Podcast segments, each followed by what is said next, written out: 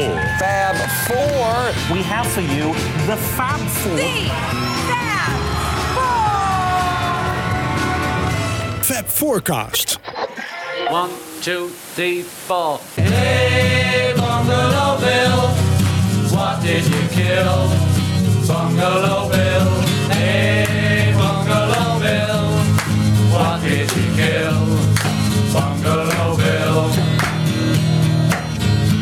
children asked him if to kill was not a sin. Not when he looked so fierce, his mommy butted in. If looks could kill, it would have been us instead of him. All the children sing, Hey, Bungalow Bill, what did you kill?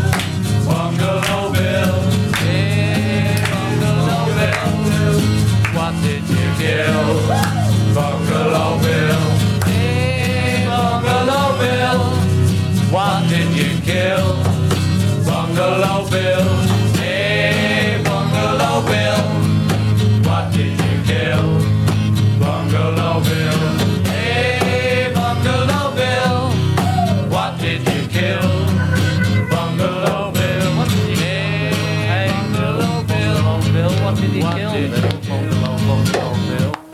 Bungalow Bill kill? Fab Forecast. Goedemiddag, goedenavond, goedemorgen luisteraars. Eh, weer een nieuwe aflevering van de Fab Forecast. En eh, naast mij zitten... Wiebo en Michiel. Michiel, zoals gewoonlijk. We gaan de voorlaatste aflevering doen van het Dubbele Witte album. Hè. Daar hebben we heel wat afleveringen aan eh, besteed. En ehm, we gaan er nog twee doen. Yes. Eh, ja, wat dachten jullie, eh, Bungalow Bill eh, aan het begin, die, die demo, wat vonden jullie daarvan? Een beetje slordig hè, af en toe. Maar dat kwam door de, door de double tracking die niet helemaal eh, synchroon liep. Is dat eh, hersteld? Denk het wel, toch? Op Ja, de de- box. volgens mij is dat. eh, Dus dit is nog een hersteld. bootleg opname. Het is nog een bootleg opname, maar hij is natuurlijk wel heel erg leuk. En eh, je ziet hoe ze ermee gerommeld hebben en dat het allemaal niet zo goed ging. Giles heeft dat overigens prachtig keurig hersteld. En dat is, eh, Maar toch zit diezelfde jolige stemming er wel in die ook in het origineel zit. Hè? Ja. Het is wel met z'n allen een beetje oh, zo'n kampvuur meezinger. Precies, kampvuur. Kampvuurgevoel. Ja. ja. ja. Maar we beginnen eigenlijk met een knaller, denk ik wel. Martha, my dear. Ja. Ja. Kijk, Mm, now we're talking. een snoepje. ja, dat is prachtig. Ja, hè? Ja. Allebei eh, jullie ook grote liefhebbers toch wel van dit nummer. Zijn er mensen die, die, niet van dit nummer houden?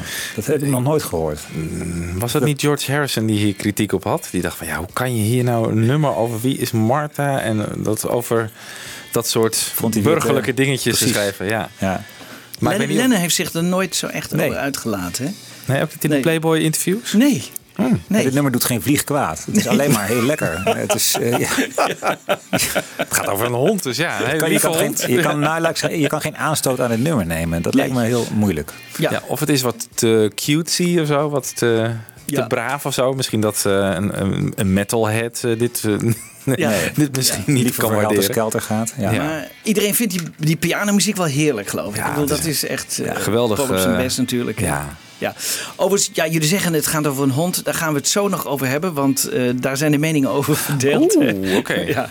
Maar eh, voorlopig laten we het even bij die hond. Want die hond, Martha, die kwam op het eerst op de eh, radio op eh, de BBC op 6 augustus 1966 in de Lennon en McCartney Songbook. Ze zijn bij Paul thuis. The songs like And I Love Her, If I Fell, Michelle Yesterday, the more winsome type songs. Uh, do you find yourselves able to write in this mood at a particular time of day or night? Are you nighttime writers or? You'll have to excuse the dog, listeners, but he doesn't know we're on the radio. How old is this dog? Seven, seven weeks, actually, seven weeks, so it doesn't really understand about the BBC yet. What type of dog is it? Uh, old, English, going to be? old English sheepdog, it will be eventually. A young English the sheepdog. moment, it's a spaniel. Wat leuk zeg. Ja, Zeven weken oud. zeven weken oud. Zit er doorheen te, te janken. Hij kwam vers uit het nest bij de familie McCartney binnen. Ja. We denken dat de naam verzonnen is door Jane Asher. En dat is nog wel even eh, cruciaal, dus onthoud het even. Dus, eh, Oké. ja. Ja. Maar in de lente van eh, 1968 had McCartney twee songs. Martha My Dear en Silly Girl. Het was een nummer wat hij waarschijnlijk nog voor Rishikesh had geschreven. En hij wilde het zichzelf echt heel moeilijk maken op piano. Dus hij heeft zichzelf een beetje uitgedaagd. Op 14 januari 69, dus dan zijn we al na de dubbele witte. Hè, dus tijdens de Let It Be opname in Twickenham. Legt hij uit aan Michael Lindsay Hawk. En dat is de regisseur. Hoe hij het speelt. En ehm, je ziet al dat hij na drie maanden speelt hij het eigenlijk al langzamer dan eh, op de originele op de LP. Laten we even luisteren.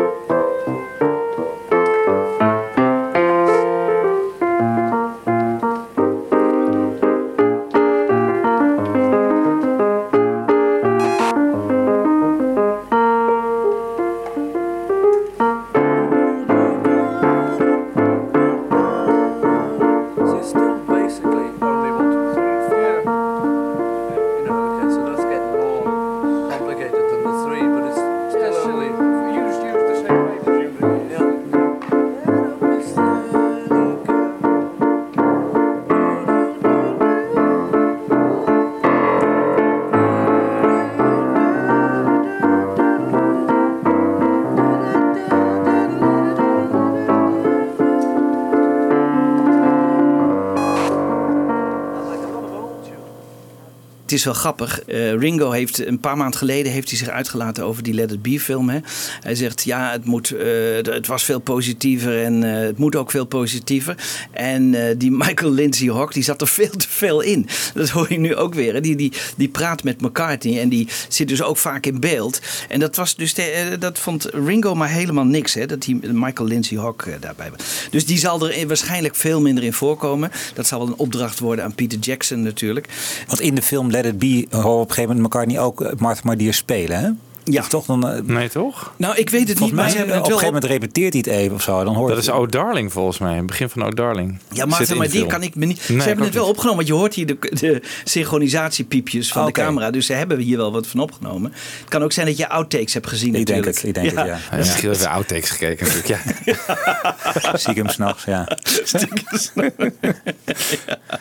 Zeg, we hebben collega's in Amerika van Something About the Beatles. En die hebben een soort Amerikaanse Stefan Terpstra. Eh, Steven Terpstra. Jeff Martin. Oh, Jeff Martin. oké. En die vertelt over de coördinatie van de linkshandige McCartney in dit nummer. Another example of his timing uh, between the left and the right hand is when he's going.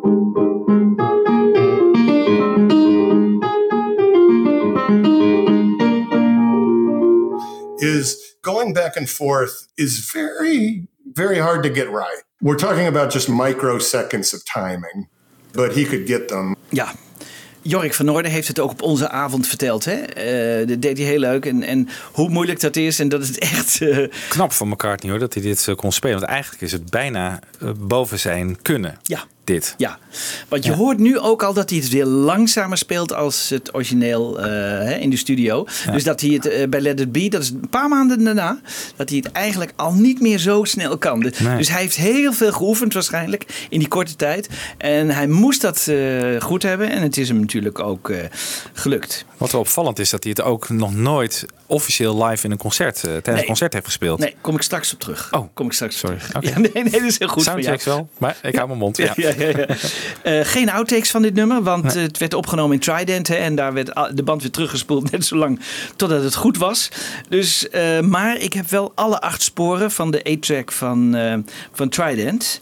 En dit is spoor 7, de piano. En wat we hier horen zijn eigenlijk dus twee nummers. Martha My Dear en Silly Girl. En die worden eigenlijk samengevoegd tot één nummer.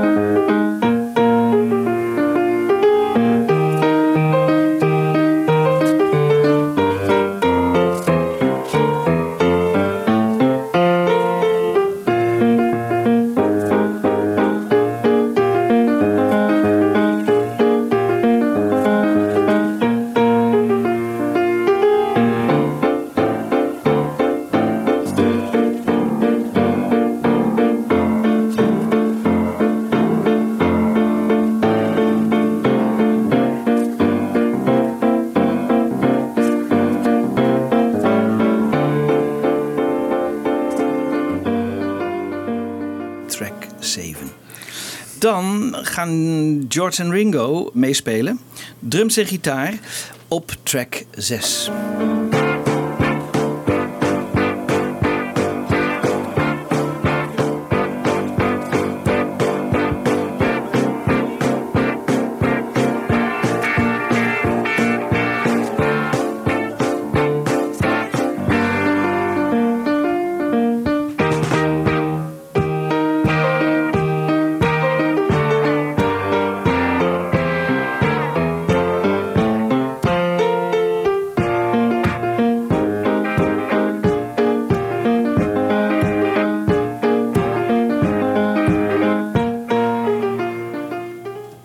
Even uit, uit de studio. We laten even McCartney aan het woord.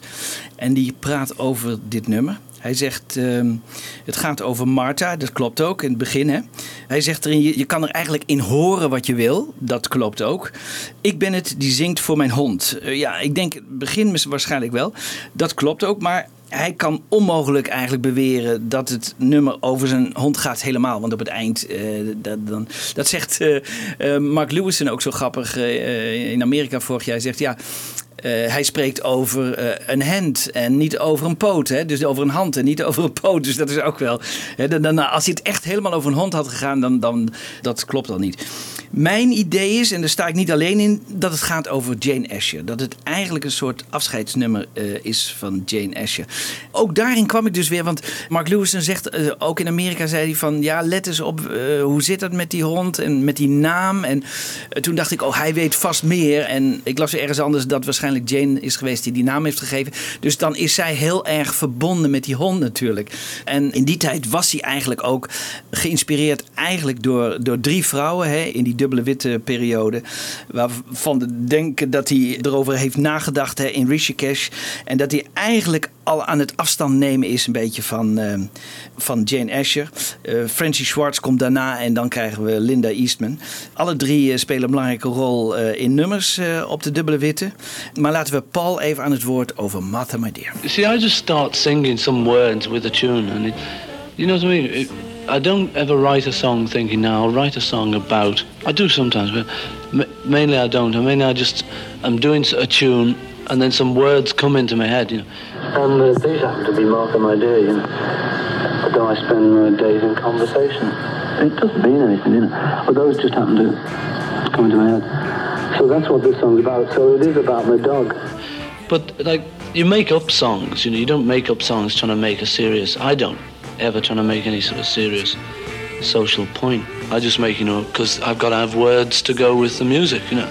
So, you know, you can read anything you like into it, but but really, uh, you know, it's just it's a song. It's me singing to my dog. Ja, dat is wel makkelijk. Maar dat is McCartney, hè? Hij zegt eigenlijk, en dat wil hij ook het liefst, hè? Dat wij eigenlijk een invulling maken in de tekst, zodat iedereen zijn eigen eh, idee bij de tekst heeft. Ja. Eh, iedereen kan zijn, zijn eh, die, die kan bij wijze van spreken het buurmeisje waar hij verliefd op is, kan iedereen eh, invullen. Dat heeft hij eigenlijk het liefste. Maar in wezen maakt hij het vaak wel, niet altijd hoor, voor iemand of met iemand in gedachten. Bijvoorbeeld bij Hey Jude, dan hoor je echt dat hij het begin voor Julian is, maar dat het later eigenlijk voor John is. Hè? Why Don't We Do It in the Road zou dan over apen gaan, maar ja, ik dank je de koekoek. Dat is ook, dat gaat gewoon over seks. En dat heeft hij later dan ook wel weer toegegeven dat het over zijn eigen eh, seksuele leven gaat. Eh, Maar zou het hier niet kunnen dat het eh, toch twee... Ik kan best voorstellen dat die hond de aanleiding is. Ja. En dat Silly Girl is dan misschien een ander melodietje dat hij ook in zijn hoofd heeft. Dan klopt het niet meer met die hond, maar hij breidt die gewoon samen. En dan ontstaat Exact. natuurlijk die ruis. Ja, exact. Want dat is bijvoorbeeld met Hey Jude ook het geval. Hè? Eerst gaat het over Ja. eh, Julian, Ook. maar even later gaat het over John. Ja. Hè? Ja. Dus, en dan gaat het, loopt hij geruisloos in elkaar over. Hier kan het ook zo zijn. In het begin gaat het misschien even over de hond, maar even later gaat het over Jane Asher. Ik denk, Ja. ik denk dat we het zo moeten zien. Maar hij zegt in dat fragment net van... Ik zoek eigenlijk gewoon woorden die bij mijn muziek passen, die op de melodie passen. En die, ja, ik schrijf eigenlijk nergens over. Ja. Maar het is heel vaak wel onbewust. Ik denk dat je, ja, je, er komen bepaalde woorden in je op en die komen ook niet zomaar. Die komen misschien wel uit je onderbewustzijn, dat je het echt niet door hebt. Maar eigenlijk, Hey Jude is dan onbewust over John gaan, terwijl hij dat zelf misschien helemaal niet door heeft bij het schrijven. Ja, ja. Als het over Jane zou gaan, dan is het een prachtig. Hè? Eh, het einde is, is echt schitterend. Ik bedoel, eh, die zinnen die hij dan voor haar eh, in petto heeft, zijn wel weer heel mooi. En ik, ik denk ook dat hij niet zo snel zal zeggen dat voor Jane is. Jane heeft gewoon zichzelf voorgenomen nooit over Paul te praten. En Paul praat eigenlijk nooit over Jane. Maar ik kan me ook niet voorstellen dat hij helemaal zo bij haar weggegaan zou zijn zonder iets achter te laten qua muziek. Of, nou, ik denk toch echt dat het tweede gedeelte wel eh, eh, over Jane gaat. En daar zijn toch een groot aantal mensen het wel met mij ook over eens. Dus eh, tenminste, ik ben het eens met die, met die anderen. We horen McCartney voor de eerste keer inzingen op spoor 5. Dus nog zonder zijn tweede stem, die er later overheen zou komen.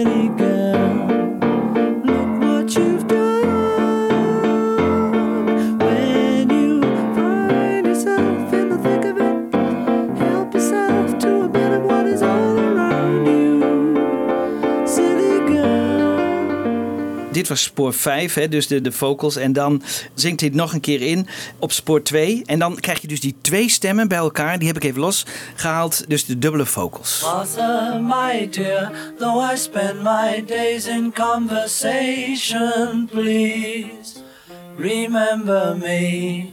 Martha, my love, don't forget me. Martha, my dear. Ja. Ook knap hoor, om je echt zo op de milliseconde met jezelf mee te zingen. Het is geen ADT, dus hij heeft het gewoon echt zo ingezongen.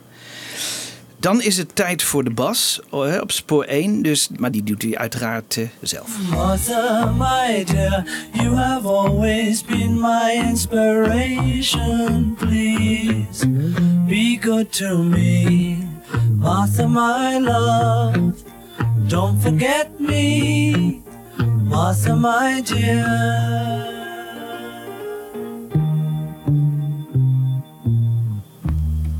Heerlijk, dat gepluk aan die bas. eh. Ja. Ja, dat is mooi hè, mooie bas. Doet hij ook weer Mooi geweldig. rond geluid zit er aan. Ja, heel mooi. Heel mooi. Er is nog iets interessants hè, voor alle muzikologen. Hè, eh, ik dacht al gelijk aan Anne Hurenkamp, die een groot liefhebber is van dit nummer. Eh spits je oren. Want de opbouw is ook heel bijzonder. And yet, it's one of the most structurally fascinating of all Beatles' tracks. It uses two bridges to contrast the verses. Bridge A is heard twice, Hold your head up, you silly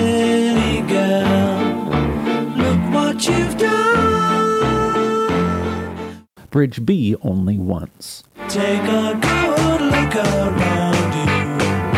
Take a good look, you're bound to see that you and me were meant to be for each other. Silly girl.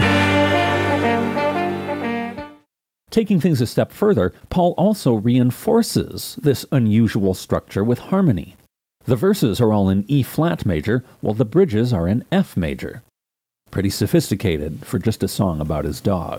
Ja, dat is dus niet zo, meneer uit Amerika. Het gaat ook over Jane. Dat hebben we net gehoord. Sukkel. Ja. Ah, ja, maar ook als we, als we nummers over honden niet ingewikkeld mogen zijn. Wie, wie- wie schrijft dat voor? Over katten wel, maar over honden niet. sophisticated. Voor een song about the dog, ja.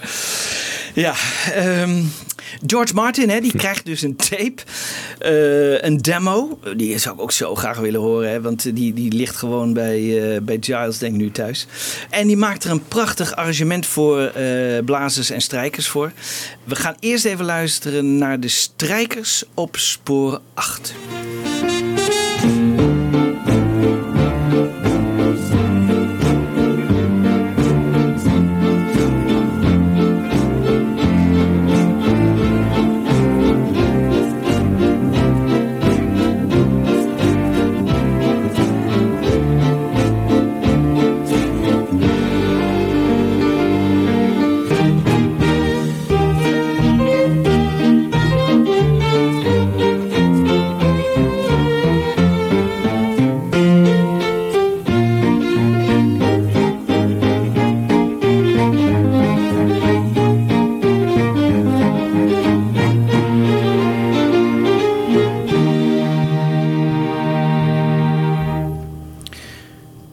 Is het ook een melodieuze nummer, hè? Ja. Tjonge, jonge, Maar wat ik hem net, die man hoorde zeggen, die muzikoloog, die zei van er zijn, er zitten twee bridges in eigenlijk. Hè, die ook weer allemaal allebei een eigen melodie hebben. Hè? Ja. Ja. Dus Ja. het is ook weer een opeenstapeling van melodieën, dit nummer. Ja. En, en het gaat ook achterloos. Hè? Je hebt het niet door dat het gebeurt, maar het gebeurt. Ja, heel Dat, dat is echt iets, ook typisch McCartney, zeg maar, tussen 68 en laten we zeggen 72 of zo. Ja, dat heel veel. zijn toptijd eigenlijk. Ja. Ik vind overigens de scheiding hier ook heel goed. Hè? Want je moet je voorstellen, die, die violisten die hebben mee moeten luisteren. En dat konden ze niet op een koptelefoon, want dat, dat deden ze ook nauwelijks. Dus ze lieten over de speakers lieten ze gewoon eh, het nummer horen. En zij eh, Ja. speelden mee met Martin die dan eh, dirigeerde. En ik vind het toch knap, want ze hebben het heel goed gescheiden gehouden. Het kan zijn dat dit in Abbey Road is opgenomen, dat weet ik niet zeker. Nou, ik zie volgens mij ook wel eh strijkers. Ik heb die beroemde foto die van bovenaf wordt genomen. ja, Daar zitten wel... Ja, eh, ja, dus dan moet het toch daar ook eh, in Trident. Ja. En op zich niet een heel ingewikkeld strijkersarrangement. Hè? Dus in die bridge is het een tuk, tuk, tuk, tuk, tuk, de hele tijd op die beat mee. Ja. En dan is het op de melodie als, van het couplet is het gewoon met de zanglijn meespelen. Volgens mij zit het echt het interessante is het als die blazers erbij komen. Ja. Die combinatie daarbij. Die komen nu. Mooi eh, bruggetje. je, je- ja. je wordt op je wenken bediend, Wibo. Ja. Want we gaan over naar de tuba's en de trombones op spoor 4. Hold your head up, you silly girl. Look what you've done. When you find yourself in the thick of it, help yourself Ik, hoor ze hier in de koptelefoon heerlijk lekker zo'n zo, ja, zo'n lekker. zware, zware bas. Ja. En dan op track 3, trompetten en de hoorn. Ja, noemen wij dat ook hoorn? Eh, is dat eh, in Nederlands eh hoorn? Ja, weet ik eigenlijk niet. Ja. Nee, maar ja, De hoorn? De, De hoorn, ja. trumpets en hoorn. Op track 3.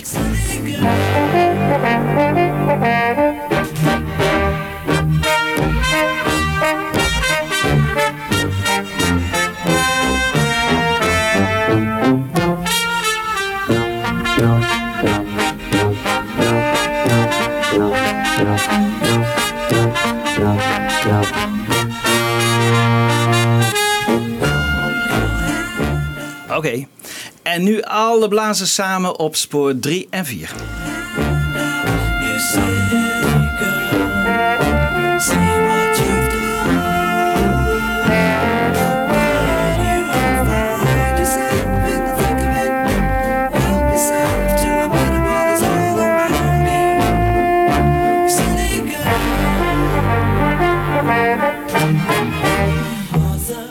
Vind het wel knap van George Martin gemaakt. Hè? Want dit is toch weer een, eigenlijk een soort contra-melodie op zich. Ja. Heel mooi. Ja. Hè? Dan heeft hij aan de ene kant de violen en dan heeft hij Ja. dit en die piano erbij. Het is Heel smaakvol eh, gedaan. ze Ja. doen allemaal wel heel Je zou, je zou het maar moeten coveren dit. Het kan gewoon niet beter. Hoe moet, Nee. je, dit, hoe moet je hier aan tippen? Dus, het is niet- wel perfectie Ja. dit, hè? Ja, ja. Ja. je kunt het alleen maar naspelen zoals de analogs. Hè.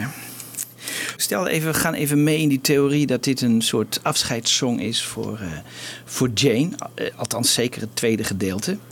Dan is het misschien niet zo gek als drie maanden later George de groep verlaat. Hè? Want we weten tijdens de Let It Be opname dat George eh, boos wegloopt. Ruzie met McCartney.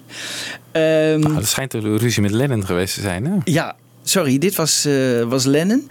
Die andere ruzie was met McCartney, was eh, bij Hey Jude, geloof ik. Hè? Ja. En dan eh, gaat, als George weg is, speelt. McCartney speelt eigenlijk weer Martha. Dus ook, eh, dus, eh, ik dacht, ja, misschien komt het bij hem op. Hè? Jane bij hem weg. eh, nu is George bij hem weg. Dus misschien speelt hij daarom onbewust Martha. En terwijl Lindsay Hawk, hè, daar is hij weer, zich zorgen maakt over hoe ze dat moeten gaan verkopen in de film. Het, is dan, heet dan nog een tv-show.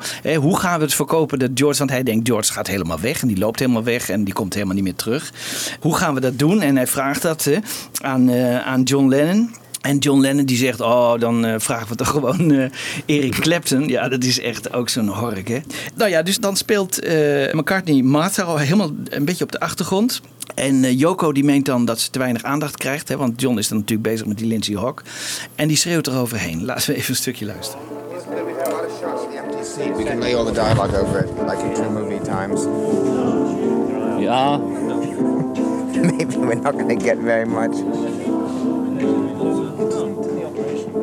mean, see, maybe for the for the show, I mean, you could just say George was sick. No, I mean, if he leaves, he leaves.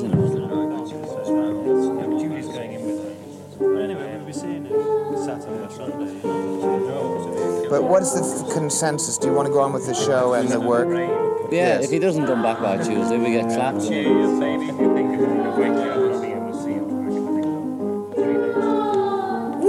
What?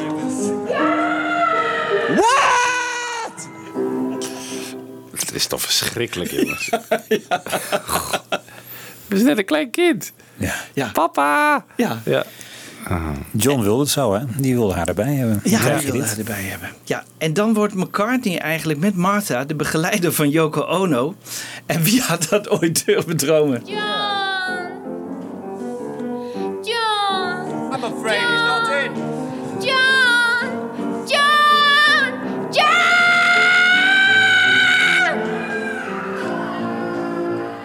He's busy!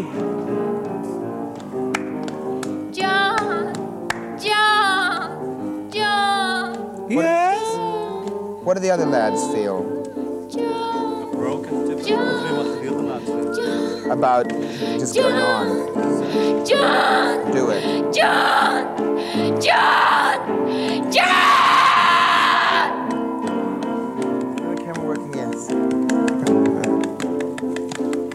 Bloody mad.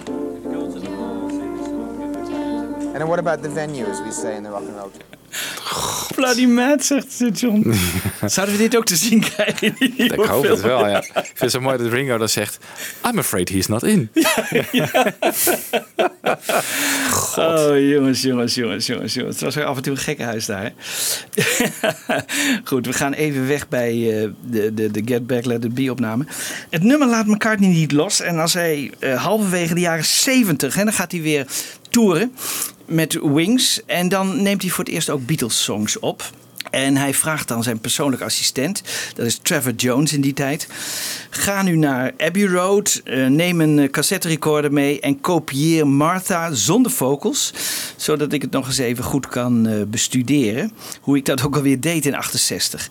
Want het is een heel moeilijk stuk, hè? Dat, dat eerste pianostuk. En McCartney kennende, als hij dat doet, wil hij natuurlijk helemaal perfect doen. En dat is waarschijnlijk ook in die tijd niet gelukt. We weten eigenlijk niet of hij er zelfs aan begonnen is. Maar dit is wel het begin van het tapeje wat, eh, wat hem moest helpen om eh Martha weer te spelen.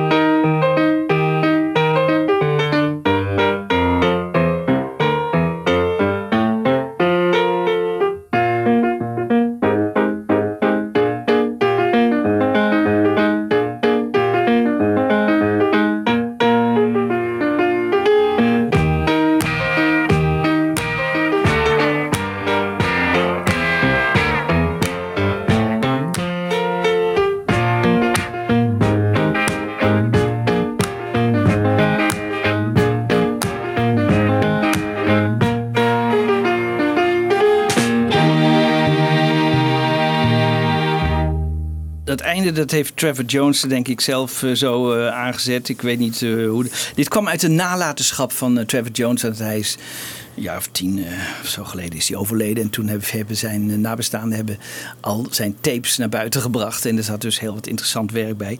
Waaronder dit nummer. Dan komt McCartney er nog één keer op terug. Weten we zover we kunnen nagaan. Want dan is het eh, 2015. Hij toert met zijn band. En die bandleden, die, dat weten we bij McCartney, die mogen af en toe zelf eh, eh, eh, lijstjes inleveren met nummers die ze graag nog eens samen met McCartney willen spelen. En waarschijnlijk, dat vermoed ik, heeft een van de bandleden gezegd van zouden we niet Martha nog een keer kunnen spelen. Dat zou het kunnen zijn hoor. Want hij oefent het even. Je hoort hem heel eventjes in Tokio in de Budokan een kleine aanzet geven. Het is maar heel kort tot Martha My Dear. Maar eigenlijk lukte het niet meer. Het is ook een heel moeilijk stuk. Ik, denk- ik denk dat het, om het perfect te spelen, avond aan avond. eh, we hebben hier Stefan in de studio gehad. Die moest er ook echt eventjes diep over nadenken. En dan eventjes, dan aarzelen ze even. Of dan gaat het even, dat zagen we bij Jorik ook. Wil, het gaat zelden bij, ook bij dat soort componisten, dat je het zomaar eventjes uit hun hoofd spelen. Want het is echt een heel lastig stuk. Ja. Het is echt heel Ja, dat zal wel de reden zijn inderdaad dat McCartney het niet avond aan avond in zijn setlist heeft. Want gewoon Ja. de kans op Ja. fout is groot. Want hij is natuurlijk een perfectionist. Hij wil Ja. Gewoon dat het goed gaat. Hè? Ja. En hij kan er niet goed tegen als, het, als, als er zijn nog maar een paar noten die niet goed gaan. Lady Ja. Madonna toch van een heel ander kaliber. En dat is gewoon lekker eh, Ja, rammen. dat is rammen. Ja. Dat is rammen. En dat is natuurlijk eh, een stuk simpeler. Maar, eh, en, en daar heeft hij ook eh, hetzelfde succes mee. Dus hij hoeft Martha maar die ook niet te doen om datzelfde succes eh, te krijgen. Goed, we gaan even terug naar de soundcheck. 28 april 2015. De allerlaatste keer dat we McCartney heel eventjes Martha Media nog horen spelen.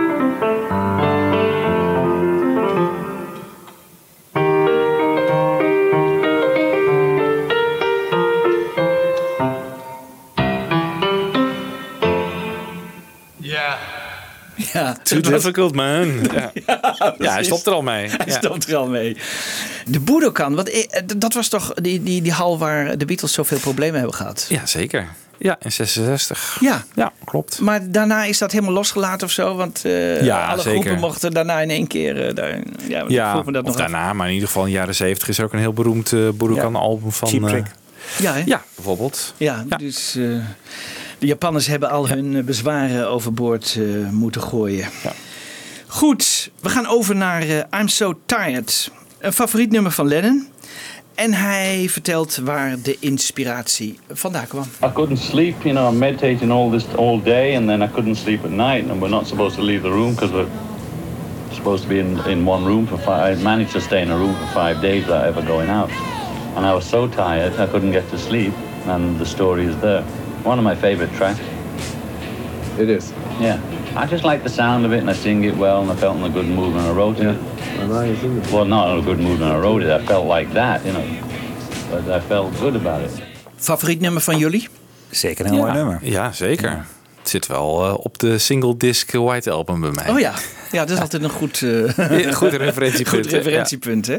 Ja, Ja, ja, is heel mooi. Ook inderdaad wat hij zegt, mooi gezongen. Hij zingt het ook heel goed. Dat hele luie van, oh, ik kan niet slapen. Dat beklemmende gevoel zo, dat zit er wel in, Ja. vind ik. Ja, ja. En dan echt dat refrein, dat echt wat steviger gaat. Ja, lekker opbouw hoor. ook. En aan het eind Ja. wordt het een, een enorme climax. Schreeuwt gaat, het uit ook, ja. Ja. Ringo ook helemaal in topvorm. Ja, Ringo in topvorm, dat gaan we zo ook nog.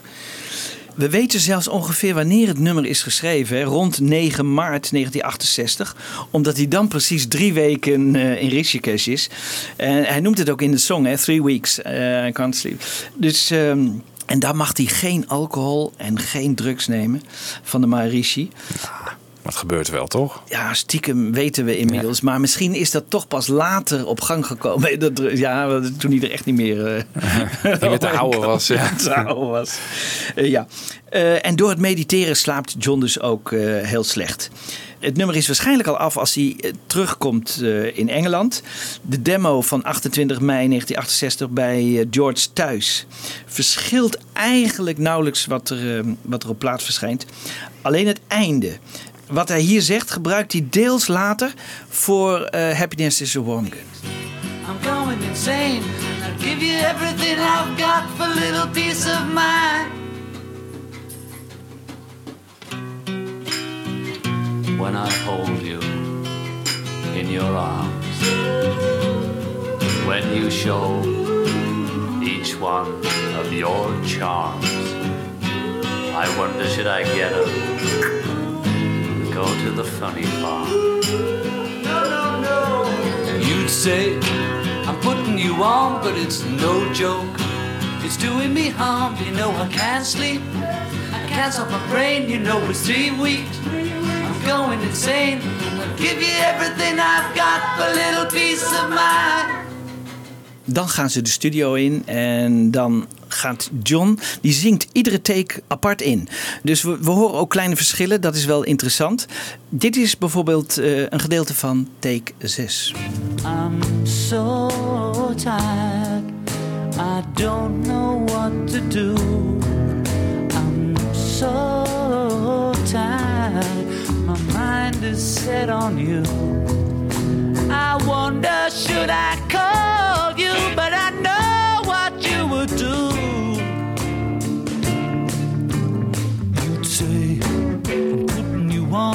it's no joke.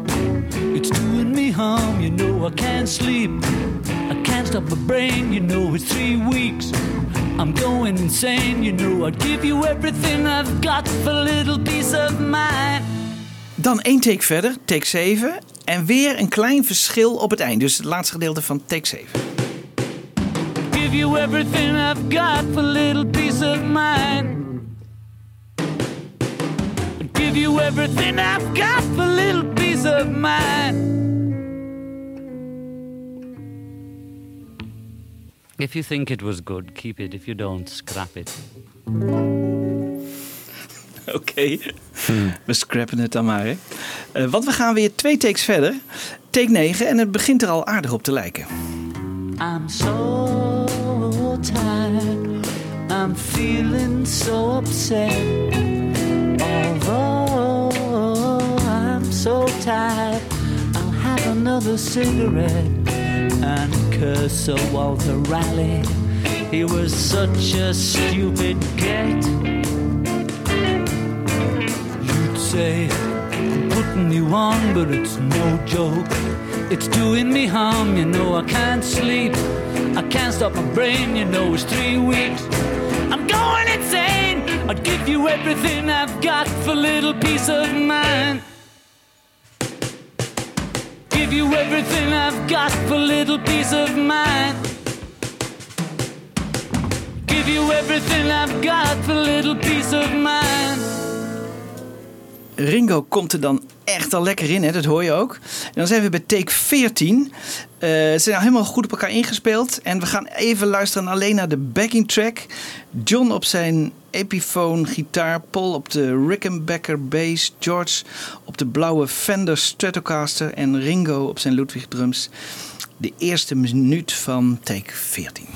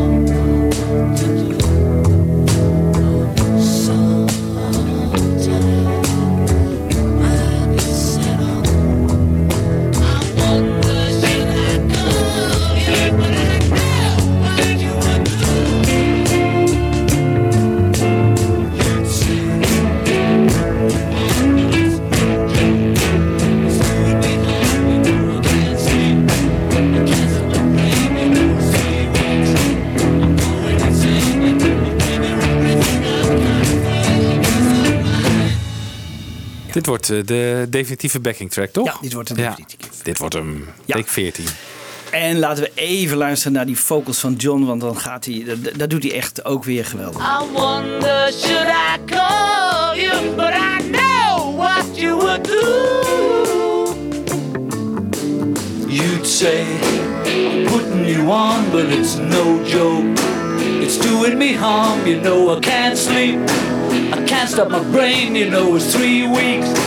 I'm going insane, you know I'd give you everything I've got for a little peace of mind. Ja. Wat een zangers ook in die band, hè? Ja. jongen, jongen, jongen. Prachtig. Dan het einde. Eh, nou, jullie kennen het allemaal, hè, die geruchten om, omtrent het einde. John fluistert iets in de microfoon. Eh, volgens Mark Lewison, Monsieur, Monsieur, how about another one? Eh, maar velen dachten in die tijd, hè, dus, maar dan spreken we over begin jaren 70, Paul is dead, miss him, miss him, miss him. Oordeel zelf. Give you everything I've got for a little peace of mind. I give you everything I've got for a little peace of mind. Dat is een bloedzak met je habit, nog. Nou, Mark Lewis heeft ook geen gelijk in ieder geval. maar nee. de andere theorie eh, klopt ook niet. Maar dat Nee. was zoals je hem achteruit draaide, hè? Dat miss him, miss him. Oké. Toch? Oké, oh, dat, Ja. was, dat was eh, Paul is Dead, hè? Ja, Paul is maar Dead. het is ook niet Dead, eh, no. Monsieur, Monsieur, eh, how about another one? Hè? Nee, dat is, eh, denk ik ook, daar heb je gelijk in, Michiel. Ja, dat zou... Ja, het is gewoon Misschien dat waarschijnlijk... Mark eerdere takes heeft gehoord waarin dat ook werd gezegd, maar Nou, dan dat zou natuurlijk kunnen. Dat zou kunnen, dat hij het daaruit heeft gehaald. Ja. ja. En die, die Walter Raleigh, valt daar nog wat over te zeggen? Die was toch de Engelse Die sigaret heeft... eh, ontdekkingsreiziger die ja. volgens mij de tabaksplant heeft Dus eigenlijk van geïmporteerd. hebben naar de cigarette van eh, dat eigenlijk zijn verslaving heeft hij aan indirect aan Ja. Sir Walter Ja, Raleigh. he was such a stupid git. Ja, wat een domme lul dat hij de tabak... eh, Ja, typisch Liverpools slang is dat een beetje. Ja. Het is uh, Liverpool. Ja. slang. Ja, grappig. Ja. Giles Martin heeft een outtake mix gemaakt hè, van dit nummer. Te vinden op eh, de 50-jarige jubileumuitgave. Eh, daar heb ik nog wel wat kritiek op. Daar hoor ik ten eerste een nooit gebruikte solo van George Harrison, maar zo zacht dat die eigenlijk nauwelijks te horen is. Vind ik echt heel, heel jammer. Eh, laten we even luisteren wat hij daarvan maakt. I haven't slept. I'm so My mind is on the blink. I wonder should I get up? Ja, Oh ja, die was ik alweer vergeten. Ja. Heel Dat mooie- zachtjes. Heel zachtjes. koortje ook. Ja, ja. want daar kom ik nu even op terug. Want Ja. de, die backing vocals, maar één keer, terwijl de bedoeling was van de Beatles dat ze het eh, twee keer zouden gebruiken, hè, die, die backing vocals. Dus die één keer is waarschijnlijk weggemixt. Ja. Want wat was er aan de hand? De Beatles hebben waarschijnlijk nog wat overdubs gedaan. Eh, John op orgel, George enkele stukken op gitaar. En McCartney bedenkt dan hele mooie backing vocals. Eh, George Martin gaat het nummer dan een week later mixen. Een beetje in een hurry, want de plaat moet dan opgeleverd worden. En John heeft zijn interesse eigenlijk alweer verloren in het nummer. eh, want dan is hij met Julia bezig. Eh, maar geeft waarschijnlijk aan George Martin door zo van... haal die gitaarsolo van George aan het begin er maar uit. Eh, maar Martin... die doet dat niet alleen, maar haalt ook het orgel van John voor het grootste gedeelte helemaal weg, wat ook heel jammer is. En haalt ook de prachtige backing vocals eh, eh, weg. En die effectieve gitaarsolo van George aan het einde. En dat was waarschijnlijk helemaal niet, denk ik, helemaal niet eh, de bedoeling. We hebben de- George Martin ook, misschien kunnen jullie nog herinneren, toen eh, de Sgt. Pepper box uitkwam. Toen hadden we die eerste take van eh, Strawberry Fields. En dat was een hele mooie backing vocals van John en Paul. Ja. Waar, die hadden we op bootleg gehoord. Heeft hij eruit gemixt. Dat is jouw stokpaardje een beetje, toch? Ja, maar dat Jeff Emmerich ook... eh, Ook zonde. ja. Ook zonde, weet je. En, en hier, hier horen we eigenlijk een beetje hetzelfde. Het is als George Martin een hekel heeft aan die backing vocals... of dat hij dat niet mooi vond, of ik weet niet. Hij moet er iets tegen eh, gehad hebben. En hoe weten we nou eh, dat die backing vocals zelfs twee keer terugkwamen? Omdat tijdens Let It Be hebben ze het nummer nog een keer gespeeld. En dan hoor je ze, inclusief backing vocals. Dus die Beatles vonden die backing vocals waarschijnlijk wel leuk en mooi. Want anders hadden ze dat niet herhaald tijdens de Get Back opname. Denk ik hoor. Als ze echt hadden gezegd, nee, dit is mislukt. Dit, jongens, dit moeten we niet gebruiken. Waren zij niet bij die mix van de uiteindelijk uh, Nee, ze, nee, daar zijn, nee, daar zijn ze niet, eh, niet bij geweest. Bij wel meerdere mixen hoor. Ah. Daar kom ik later eh, ook nog op terug. Want we horen echt. Op het eind werd dus heel veel gemixt. En zoveel. eh, iedereen was nog met, met eigen opname bezig. En eh, er moest gemixt worden. Want er moest echt heel veel gebeuren in die, in die laatste Ja. weken.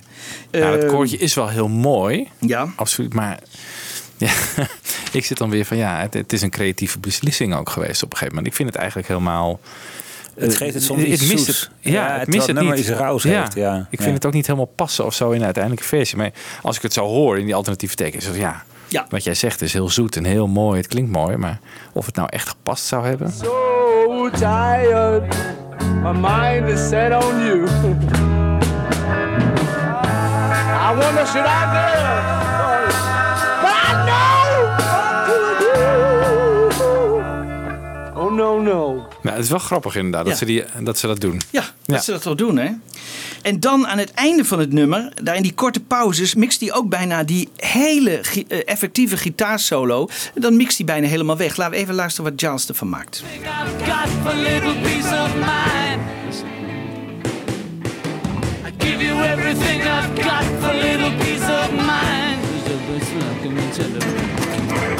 everything I've got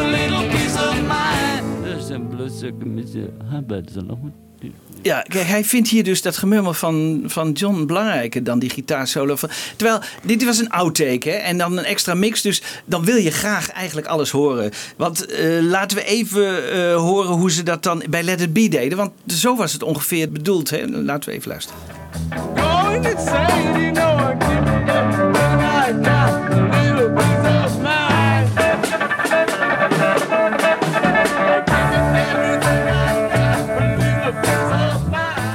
Dus het was wel bedoeld als harder, hè?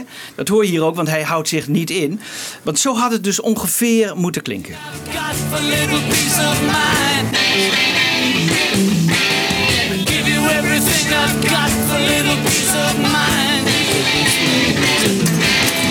Give you everything I've got for a little piece of mind. Ja, ja.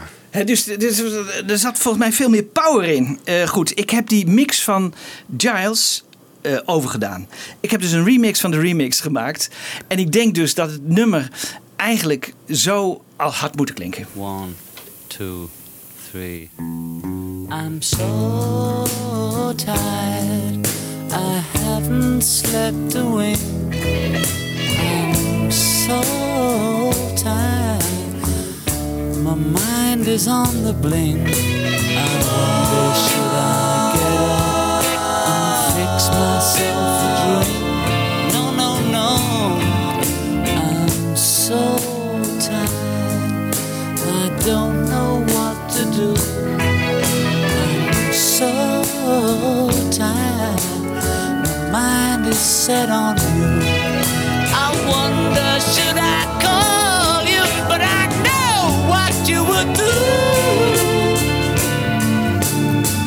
Say I'm putting you on, but it's no joke. It's doing me harm, you know I can't sleep. I can't stop my brain, you know it's three weeks. I'm going insane, you know I give you everything I've got for a little peace of mind. I'm so tired, I'm feeling so upset. So tired. I'll have another cigarette and curse Walter Raleigh. He was such a stupid get. You'd say, putting you on, but it's no joke. It's doing me harm, you know I can't sleep. I stop my you know it's three weeks. I'm going insane, you know I'd give you everything I've got for little peace of mind. Give you everything I've got for little peace of mind. Give you everything I've got for little peace of mind. That going into the second half. So Ja, ja. Ja, nou ja, hè, dit is, maar ik denk dat dit de afgekeurde versie is van John. Wie heeft het dan afgekeurd? John. John zelf. Ja, dus die heeft zei, gezegd van het- eh, jongens, eh, eh, George moet er helemaal uit. En dit, dit, Het moet kaler. Het moet kaler. Ja. Het moet kaler. En, Ja. en ik, eh, maar ik denk niet dat hij alles heeft afgekeurd. Maar eh, goed. Eh, maar dit geeft tenminste een, een, denk ik, ik bedoel, en je kunt nog wat afdingen hoor, of sommige dingen in iets zachter moeten en andere dingen iets harder, maar Ja. eh, dit geeft toch, een, denk ik, een, naar mijn Een veel voorrijker geluid ook. Ja. ja, een beter beeld van eh, hoe ze het toen hebben opgenomen. En Dat wel. uiteindelijk hebben besloten om het niet zo te doen. Ja.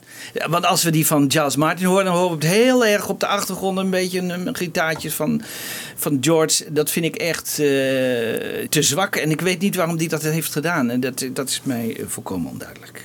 Maar goed. Gelukkig heb jij het erin Nou ja, hebben we de? Fab Forecast nog. eh, waarom ja. ja. We zijn nu eigenlijk ook op het einde gekomen van eh I'm So Tired. En we gaan over naar Bungalow Bill. En eh, Ken Scott die vertelt over de toenemende invloed van Yoko Ono. Bungalow Bill was one of those weird ones. This was where Yoko was starting to become more and more involved. I think most of us at EMI were somewhere between disgust and amusement. Did you kill? Bungalow Bill. I don't think any of us particularly liked it, much as the three other members of the band didn't particularly like it, but that's what John wanted, so that happened. When our tiger hunting with his elephant and gun.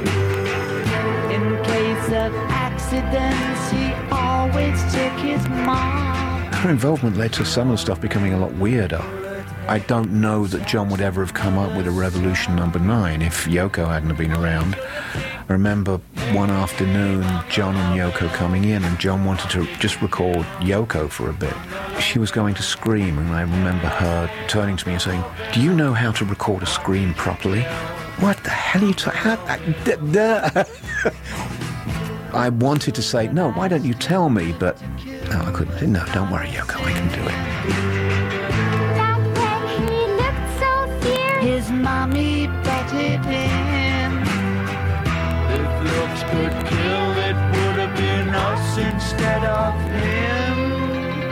All the children sing, Hey, Bungalow Bill. I know that George Martin has said on numerous occasions that he wished they dropped some of the songs and just made it a really incredible single album as opposed to double. I think that's probably one of the songs that he would have been referring to. Ja, eh Wibo. Ja. Eh, staat hij bij jou op Nee. de... Nee, die moet eraf.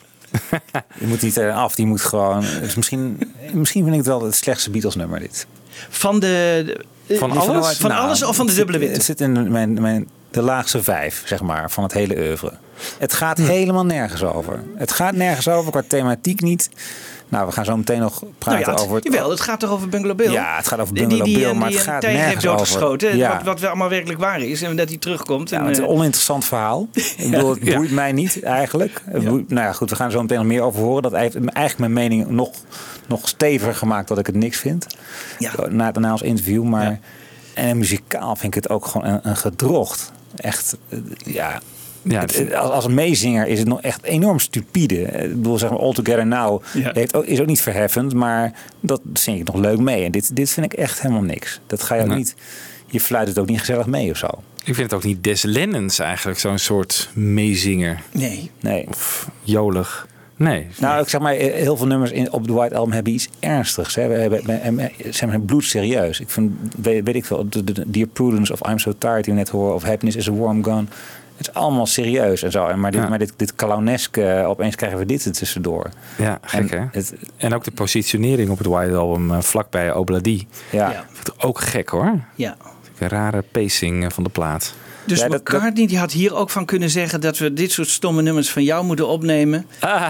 Ja, eigenlijk wel. Ja. Dat is gek hè, dat er zoveel kritiek eh, op McCartney, omdat Ja. hij... eh, Op Ladie. ja. Ja. En later eh Maxwell, Maxwell. Silver- Silverhammer, Ja. zo, hetzelfde Ja. verhaal. Ja. En het gaat nooit hierover. Nee. Nee, dat is omdat, wel McCartney, omdat McCartney ook te diplomatiek is ervoor. En die, gaat, Ja. die, die, Die gaat moet zich ook verbijten, maar die, die houdt zich in. Weet je? Dat is Ja. ook een eigenschap. Ja. Eh, Michiel, je moet even op de tanden bijten, want eh, we, we moeten gaan toch, doen. we gaan toch even eh, wat aan Nou, waarschijnlijk valt ook heel weinig interessants over te melden, Jan Kees. Dat weet ik niet. De melodie is in ieder geval gepikt. Oh, Ja. dat ook nog. Ja. van Stay as Sweet as You Are. Niet van Nat King Cole, wat ik denk, maar eh, zoals veel genoemd wordt. Maar hij had denk ik een hekel aan Nat King Cole, hè, Granny Music. Maar waarschijnlijk van de Lennon Sisters. De Lennon Sisters. Die kennen jullie. Ik had er nog nooit van gehoord. Maar het was een Amerikaanse groep uit de jaren 50. Eh, ik denk, kan me niet anders voorstellen dat Lennon heeft. eh, toen hij voor het eerst de Lennon Sisters hoorde, dacht hij: dat moet ik horen, want eh, dat zijn naamgenoten. Ja, dat, dat kan ik me niet anders voorstellen dat hij toch even heeft gedacht: daar, daar moet ik naar luisteren. Hun meest beroemde nummer heeft hij eh, ongetwijfeld eh, eh, gehoord en onthouden: Stay as Sweet as You Are. En de latere, eigenlijk de latere basismelodie voor Bungalow Bill.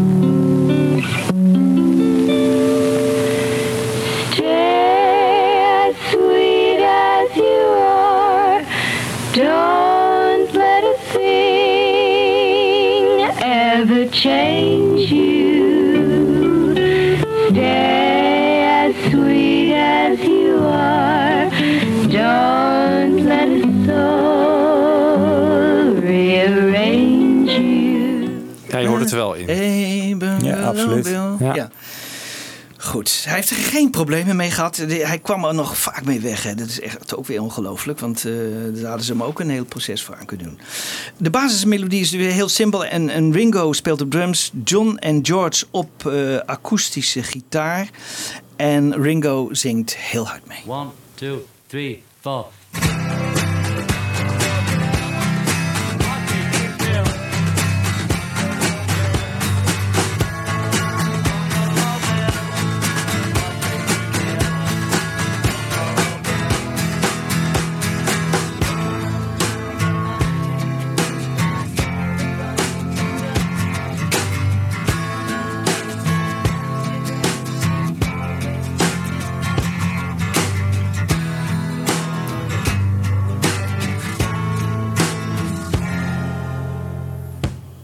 John vertelt even hoe hij op het idee kwam in Rishikesh. That was written about a guy who was in Maharishi's meditation camp and took a short break to go away and shoot a few poor tigers and then came back to commune with God. And I, there used to be a character called Jungle Jim and Buffalo Bill, and I combined the two. And it's a sort of, you know, teenage uh, social comment song that was a bit of a joke. And Yoko's on that one actually, I believe, singing along.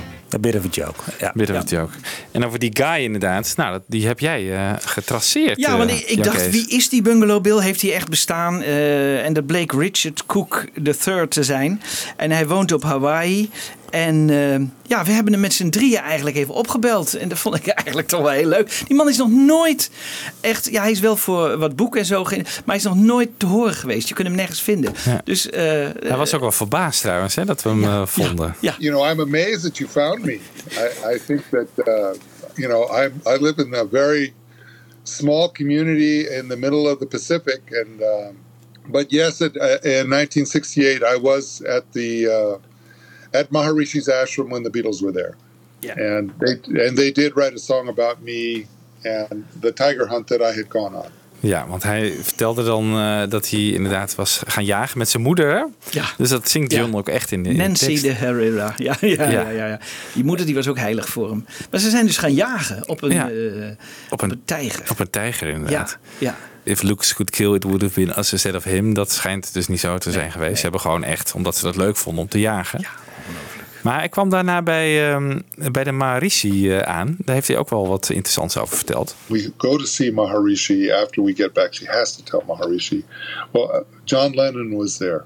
Uh, and mind you, you have to remember that I'm about as far from John Lennon as you can imagine. I am straight, short haircut, young Republican. I, I've come a long way since. But anyhow, so we're telling this story to Maharishi, and I remember my mother saying it was it was him or you know him or us, the tiger or us. It was well, that was not true. I mean, the tiger had no idea that we were there. And the tiger was running from the elephant. And I remember Maharishi saying back to me, you know, life destruction is life destruction, you know, like end of story. And, and John Lennon is sitting next to me the whole time, taking all this in. He said, you know, and, and he may had some sort of comment about destruction of life. And and that was sort of the last we heard of it. But it was Maharishi. I've never seen Maharishi so cold. I mean, he just, you know, I don't think he'd ever talked to anybody who'd ever killed an animal. I mean, it was just so distant from his life. And really, when I actually think about it, you know, that was one of the most profound conversations, you know, of my life when I think about it, because it was partly that conversation that ended my my incredible passion for hunting. I went from hunting to photographing. Ja, want hij is later dus eh, fotograaf voor National Geographic eh, geworden. Ja, ja, hij is helemaal anti-guns en zo. En hij is eh, democraat geworden. Het is echt helemaal omgeslagen. Hij zei het wel mooi. Hij zei van in in plaats van dieren schieten ben ik foto's gaan schieten. Dat, is, eh, Ja. dat zei hij letterlijk. Ja, ja. is mooi. Hij is bekeerd. Hij is bekeerd. Door die actie eigenlijk, hè? Ja. Ja. Doordat Maharishi zei van ja, alle leven is heilig. Ja. Het maakt niet uit eh, wie of wat het is, maar eh, ja, wel bijzonder.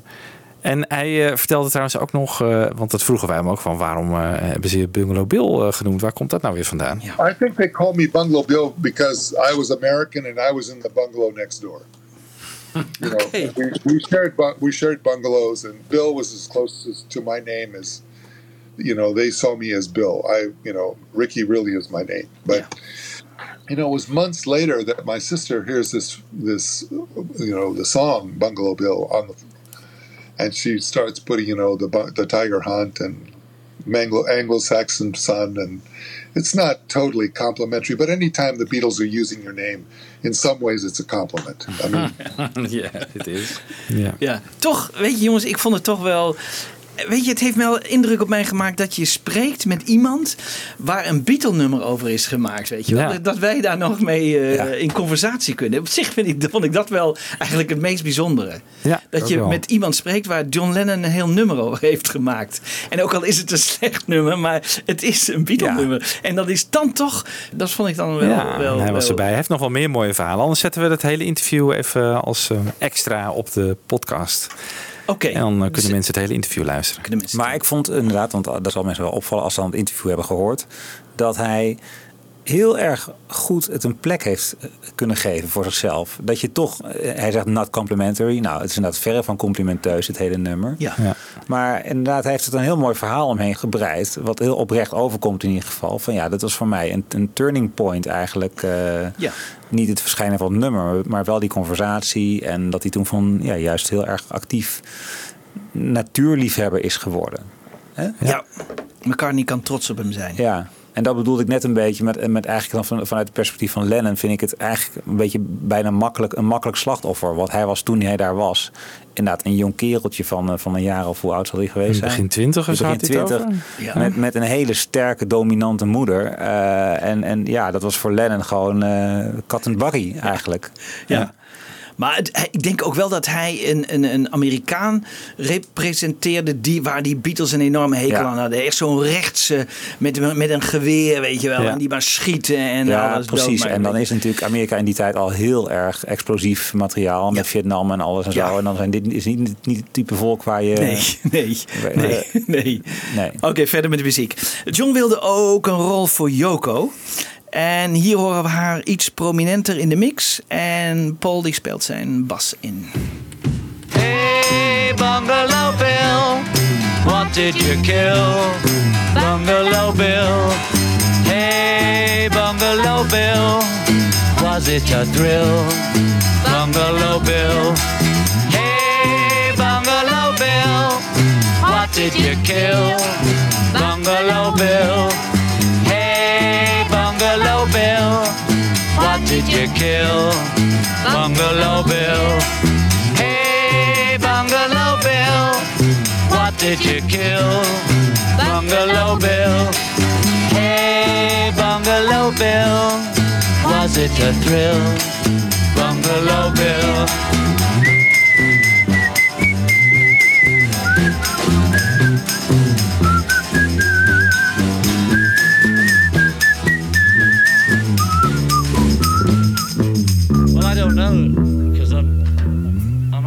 Ja, en dan was er ook nog een moeder van die bungalow Bill. Dat was Nancy de Herrera. En zij zorgde voor de inrichting van eh, de bungalows. En dat het geverfd werd en dat de meubels inkwamen. En, eh, maar ze had weinig hoge dunk van die Beatles. Ze zei weinig brainpower of zo. Mia Farrow had een geweldige hekel aan haar. Die heeft haar helemaal afgemaakt in haar biografie. Ehm, Oh ja.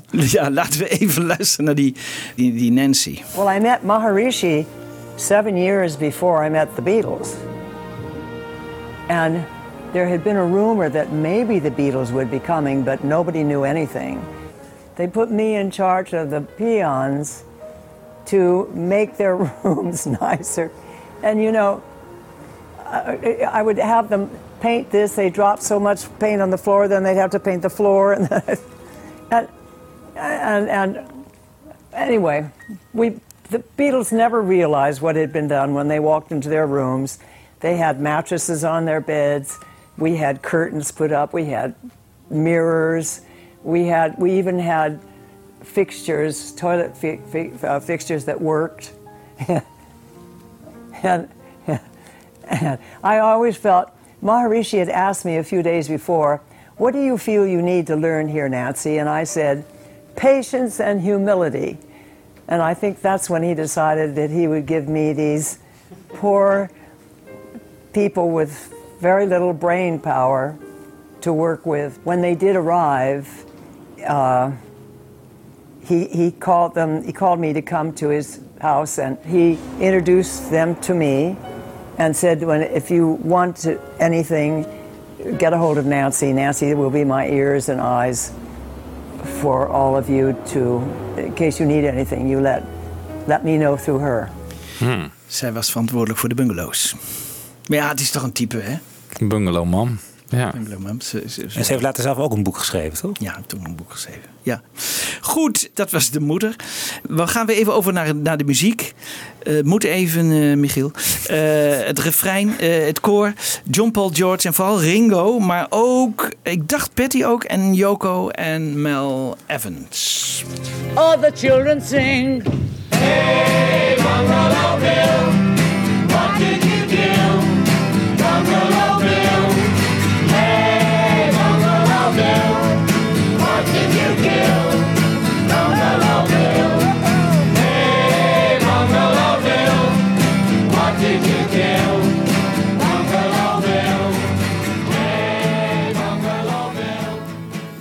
Grappig, ja. Je hoort Ringo er bovenuit. Heel leuk, hè? Ja. Ja. Eigenlijk was het best wel een leuk Ringo-nummer geweest, toch? Michiel, of ja, niet? daar ben ik nou helemaal mee eens. Dat vind ik echt een goede... Voor Ringo had het in mijn top 5 gestaan. Nee. Meer zijn er ook niet van Ringo in het Beatles oeuvre, maar goed. Ja. Ja. Ja, maar ik, inderdaad, ehm, toen Lennon net zei van ja, het is een beetje een joke. Hè? Ik bedoel, je moet het ook niet vergelijken met Happiness is a Warm Gun. Het is gewoon een totaal andere categorie. Dus de bedoeling is niet hetzelfde. Het is gewoon een beetje lol hebben eigenlijk. ja, Dus ja. misschien moet je het ook niet heel erg kritisch over Niet- zijn. niet zo heel zwaar zien. Niet zo zwaar aan tillen eigenlijk. Nee, beetje all together now, weet je wel, zo'n soort nummer. Zo'n beetje, ja. Ja. Dat goed aan, eh, zijn, aan, de, aan, de, aan, aan de film Yellow Submarine Niet bedoeld, niet bedoeld om te ranken, zeg maar. Nee. Een beetje Nee. buiten de orde. Ja. Zo kan je het ook zien. Nou. Ze nemen nog een los applaus op en monteerden E-up van John, eh, dat hij eerder schreeuwde aan het eind van de refrein, omdat ze maar doorging. Hè? Dus in die studio gingen ze maar door. En E-up, dat is een beetje voor eh, Liverpools voor kappen nou. Hè? Dus eh, stoppen. En dat monteerden ze dus erachter aan.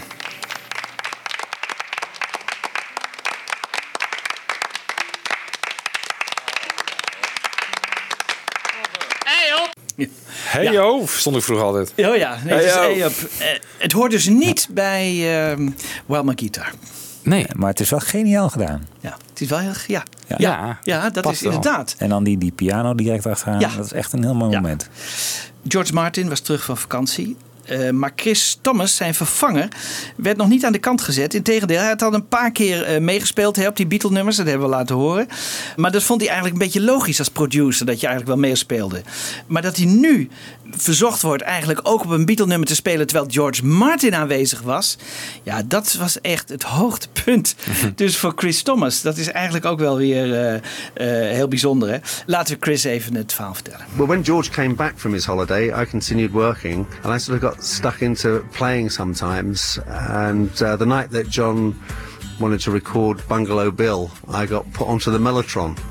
Uh, to basically do what I wanted to do, so I sort of used I used a little preset that had sort of mandolin sound for the verse, and then a trombone sound for the chorus. And I remember that was the time when I really realized that this was like too much of a dream come true because there I was playing live with the Beatles, with George upstairs in the box producing it. It was like I really couldn't believe what was going on. But uh, yeah, so that was like that was a very very big moment for me, definitely. Ja. Terwijl hij toch al zulke mooie dingen heeft gespeeld, hè? Met eh, George eh, samen, Piggies. Ja, inderdaad. Maar nog niet met George Martin in de control room. hè? Nee, maar dat, is dus het, ah, dan, dat is voor hem het Ja, allerbelangrijkste. maar hij is ook producer natuurlijk. Misschien is George Martin wel zijn grote held op dat gebied. Ja, dat, Dus die twee eh, componenten maken het tot een droom voor hem. ja. Ja. En dan heeft hij dus de mandolineknop aanstaan. En dan speelt hij ongeveer eh, dit.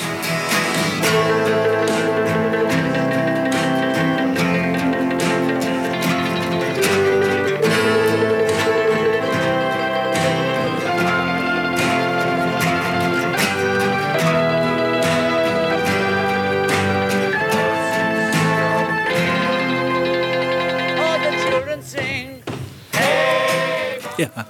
Tja, nooit gerealiseerd dat het uit de Mellotron komt. Nee, leuk hè? Nee. En dat is dus voor, eh, nog even een keer uitleggen voor de luisteraars. Hè, dat is een soort toetsenapparaat. En achter iedere toets zit een tapeje wat acht seconden draait op één toon. Hè, bijvoorbeeld van een fluit of van een hobo. Dat, dat apparaat dat werd bijvoorbeeld gebruikt aan het begin van, eh, van Strawberry Fields. Maar eh, Chris Thomas gebruikt hier de hobo op het einde van Bungalow Bill. Ik heb het zoveel mogelijk naar voren proberen te halen.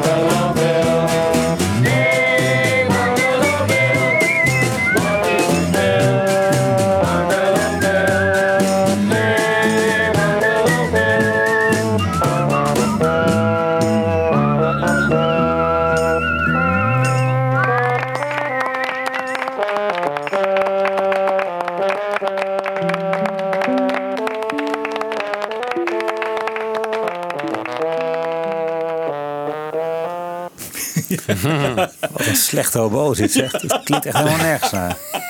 Ja. Ja, zelfs bij een slecht nummer ook nog een slechte hobo. Eh, de flamenco-gitaar, hè, we weten dat die ook van de, van, de- van de Mellotron komt. Maar daar werd gevraagd in een televisieprogramma waar dat vandaan kwam. En eh, Charles Martin antwoordde daarop. In um, Bungalow Bill, there's like that sort of flamenco guitar thing. Yeah, it's, Who is that? It's a it's a mellotron patch. What? A mellotron, for those who don't know, was, a, was the original sampler. So it's a you press a key on a keyboard and it runs a tape loop, oh and that was the sound of the flutes. of- that, that, that, that was the sound. That was the sound of the flutes at the beginning of Strawberry Fields as a mellotron. I thought they'd hired in like a Spanish guitarist.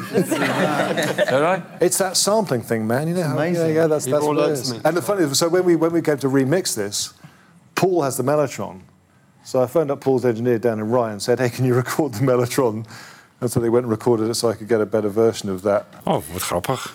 Dat is weer leuke informatie. Ja, eh, goed. Dus die Dennis Ryan, hè, dat studiohoofd van Paul in Hawk Hill, hè, East Essex, eh, vlakbij zijn huis, heeft dus de originele Mellotron nog een keer opgenomen. Hè, dus dat ene stukje van die, eh, eh, Gitaar. van die gitaar.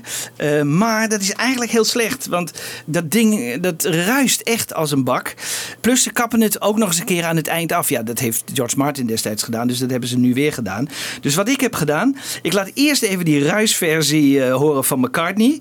En die gaat dan halverwege over in de nieuwe versie zonder ruis. Hè? Want eh, er zijn tegenwoordig ook betere mellotrons die minder ruis geven. En ik laat hem ook even uitklinken.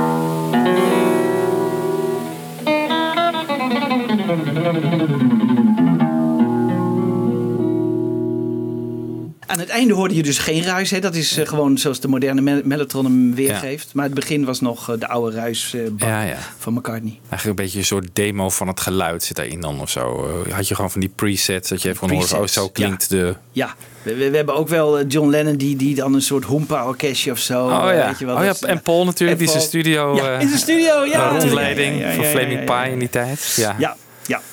Goed jongens, we gaan over... eh, het- leed is geleden, eh, Michiel. We gaan Fijn. over gaan naar door, eh. Long, Long, Long. Kijk. Kijk, nu, Ja, dat is beter.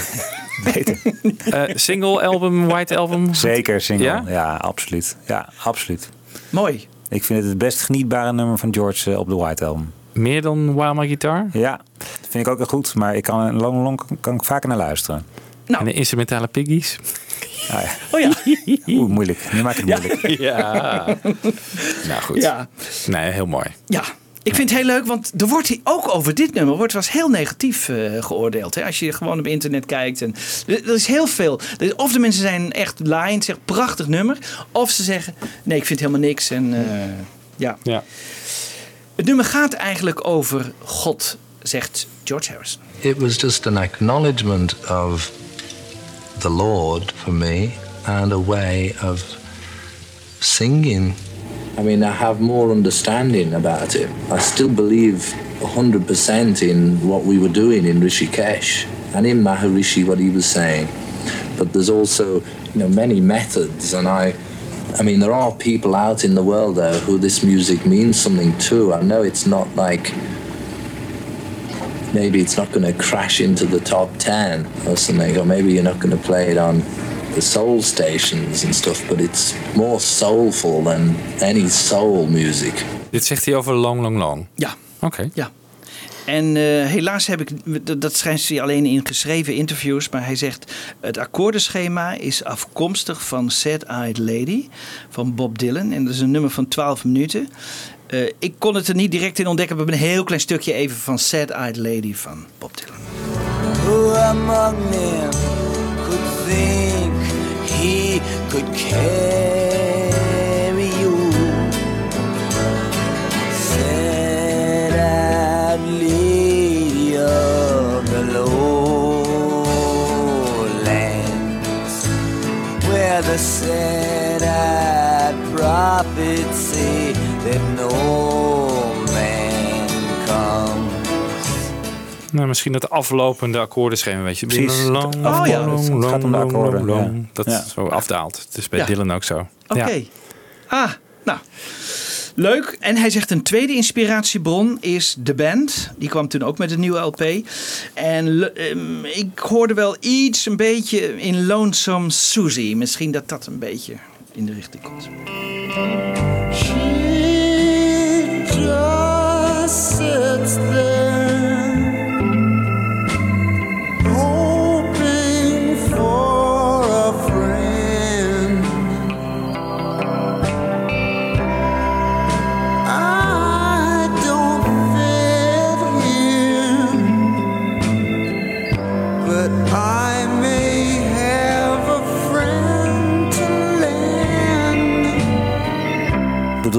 orgeltje misschien Nee, ook? dat orgeltje dat komt zo. Dat, dat is leuk dat je het zegt.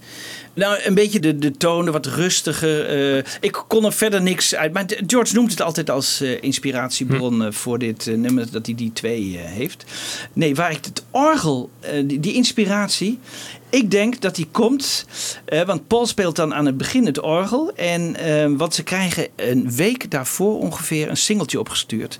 Van een jongen uit Leeds, die erg trots was op een cover van een vrij simpel Beatle Eh, en dat maakte die echt tot een soul-klassieker. eh. John Paul en George, Ringo helaas niet, maar John Paul en George sturen alle drie onafhankelijk een telegram naar deze Joe Cocker met wat heb je een geweldig nummer gemaakt van With a Little Help from My Fans. En dan moet je even eh, luisteren naar het begin, want dat orgeltje dat, dat heeft Paul denk ik weer geïnspireerd voor Long Long Long.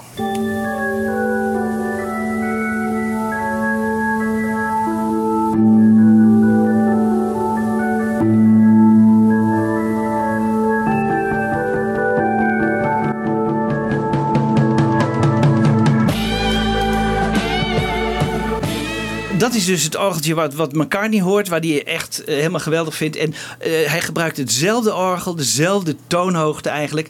Luister ook even hoe Ringo daar ook met die drums fel in komt. Hè? Eigenlijk net als, eh, als, als With a Little Help from My Friends. Het orgel, voor de kenners, is door de ADT gehaald. Eh, dat vond McCartney altijd heel erg leuk om dat erbij te vermelden. Ehm, het begin van Long Long. long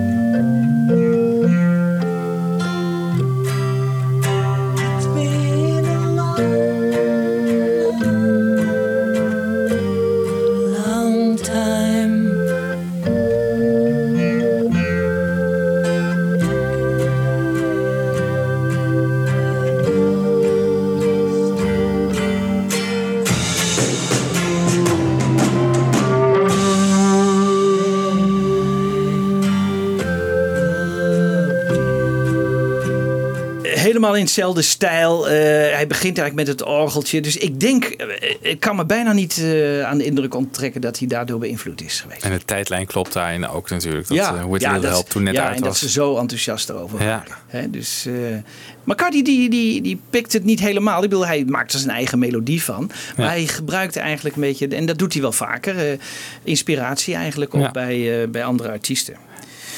Goed, we gaan naar take 44. Ik heb een aantal losse quotes van George gedurende die opname even achter elkaar gezet. Plus de backing track van George Paul en Ringo. En John is natuurlijk niet aanwezig op dit nummer zoals gewoonlijk.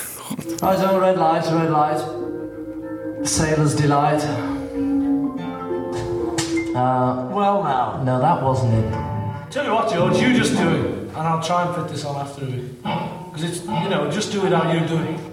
Right, here we go. Here we go, lads. We're not really what we make out to be. That's all I can say.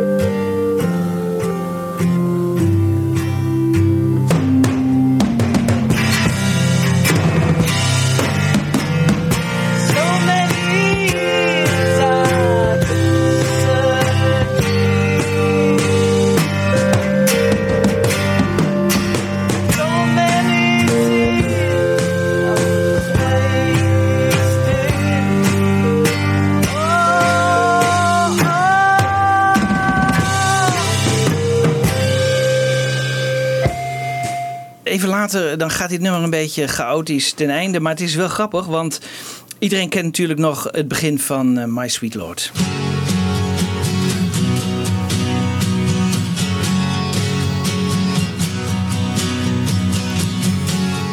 Ja. En nu vroeg ik me af, hè, horen we hier nou eh, het hele prille begin van My Sweet Lord op?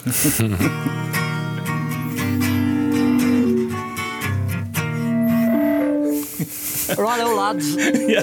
To Ik me. weet het niet, hè? Ja, nou ja. Het lijkt er een beetje op, hè? Zeker. Ja.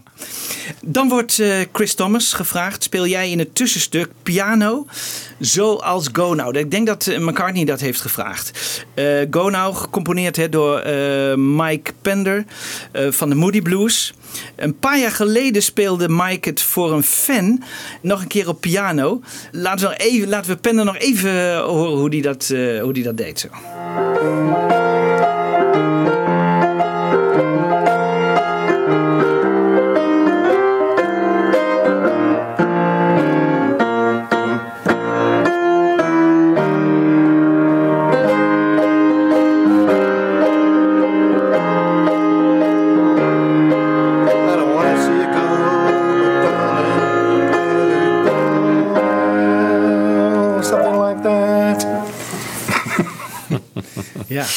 Favoriet nummer van McCartney. Leuk hè? Dat hij dan... En van Her maar, maar Harrison vroeg het toch? Je net? Niet? Nee, ik denk, Oh. dat, nee, ik denk dat dit geval McCartney heeft gevraagd van... eh, wil jij een stukje piano inspelen? Want dat was echt helemaal McCartney. Eh, die vraagt het dus aan Chris Thomas hè, in deze stijl. En McCartney had dat heel goed be- beter zelf kunnen doen. Want dat had hij in een kwartiertje gekund. Maar hij is er drie uur mee bezig geweest. En ze hebben hem helemaal uitgeput. En achteraf, zegt Chris Thomas, hebben ze me gewoon een geintje geflikt. Want eh, tijdens, tijdens Helter Skelter heeft hij eh, de Beatles heel vaak een bepaalde dingen eh, opnieuw over laten doen. Oh, en ja. eh, nu, nu dachten ze, nu krijgen we je terug. Dus drie uur voor dit stukje, wat McCartney heel snel had kunnen doen. Maar hier ho- hoor je uiteindelijk wat het geworden is, de piano van Chris Thomas. So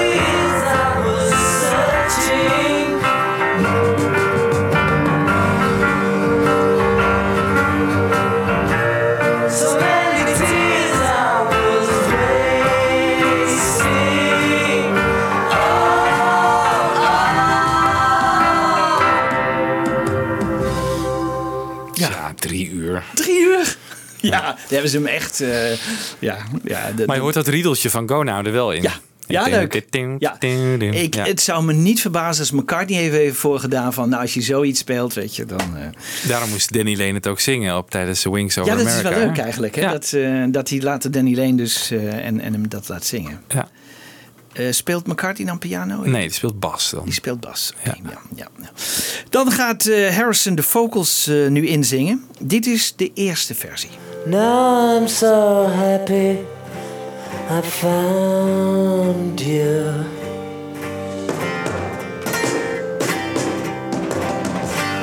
How I love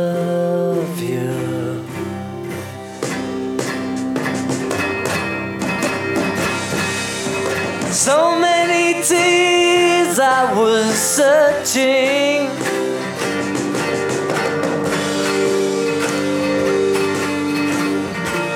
So many tears I was wasting.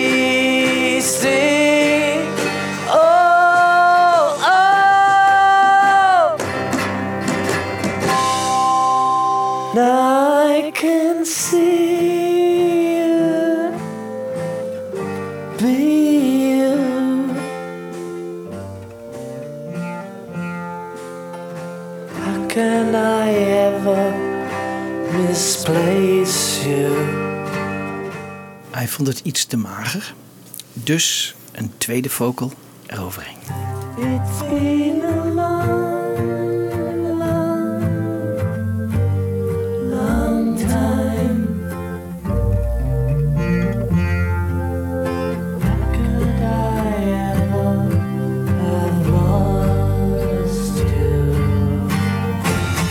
McCartney voegde nog bas aan toe. We hoorden het hier al een beetje. En we kunnen hem iets eh, duidelijker naar voren halen, de bas.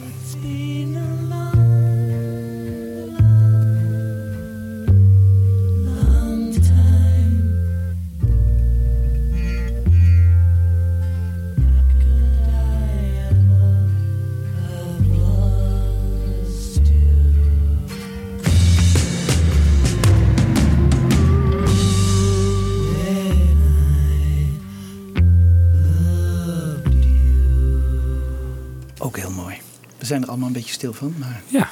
Nou, het is, Nou, vind, vind, vind ik heel mooi. Weet jij waarom het op de oorspronkelijke mix altijd zo zacht op de plaat stond eigenlijk? Nee. Wa- Het is echt een heel groot verschil hè, met de rest. Ja, maar in 2009 was het al veel beter.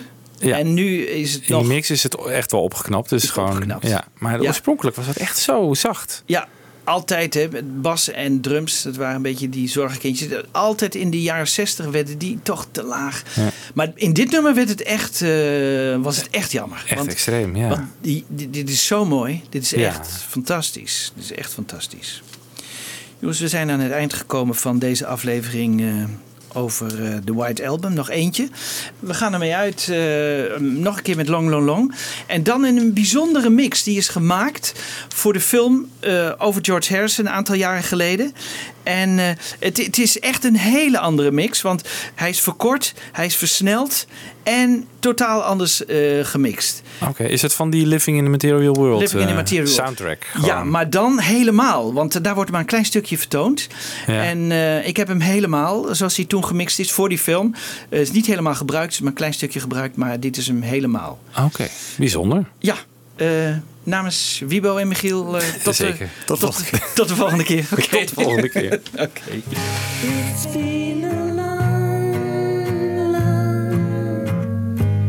Long time.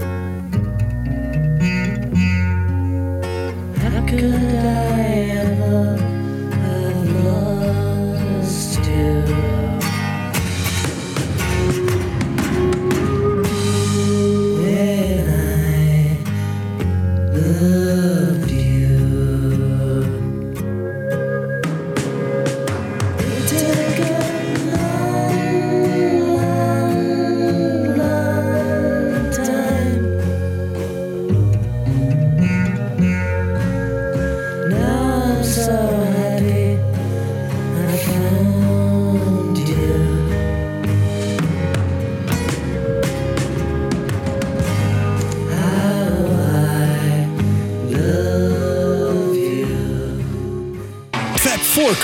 Geniet je van Fab Forecast? Laat dan een fijne review achter in iTunes. En geef ons meteen even lekker veel sterretjes. Dat helpt andere luisteraars weer om ons te vinden. Heb je vragen? Mail dan naar fabforecast.gmail.com of kijk op onze pagina's op Facebook en Twitter. En de afleveringen van Fab Forecast zijn ook te beluisteren via BeatlesFanclub.nl.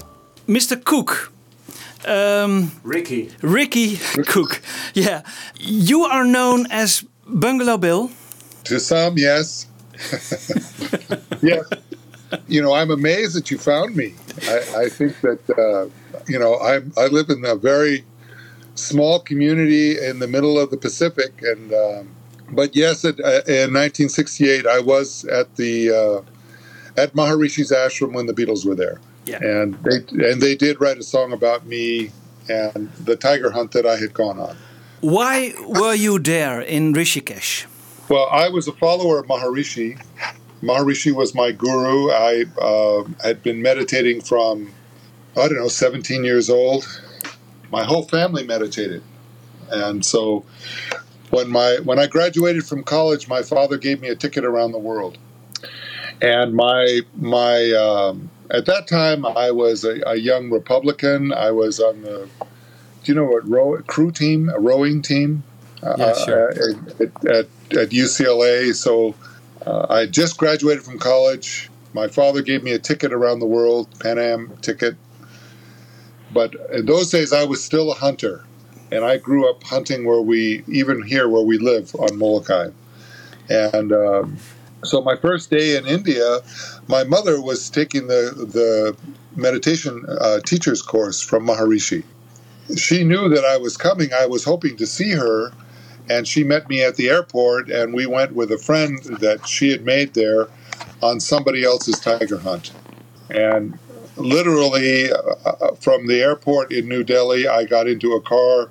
We drove overnight to this uh, corbett national corbett park or like a they call it today it's corbett national park in a place called nanital and it's in the himalayan foothills. Uh, we went on a tiger hunt with uh, my friend, our friend Avi, who's no longer alive now, but at the time he uh, had organized this hunt. Uh, mind you, this is my second day in India. I've only not even been there 24 hours, and my friend Avi had six elephants for this hunt. The problem is these hu- elephants had never hunted tigers before, and when you hunt tigers in this one area, the the thorn bushes are almost 11 feet high. So for a man, it's impossible to to walk to where the tigers would be. And on this particular day, I remember we were on these elephants, and I was on this elephant with my mother, and the main mahout is uh, the man who controls the the elephants, and. Um, so our our job was to try to push the tigers to where the hunter was, and I remember saying that uh, uh, I said to my mother, I said, "Look, the most dangerous thing here is the elephant, not the tiger, because the elephant is going to try to stomp on anything that comes near it."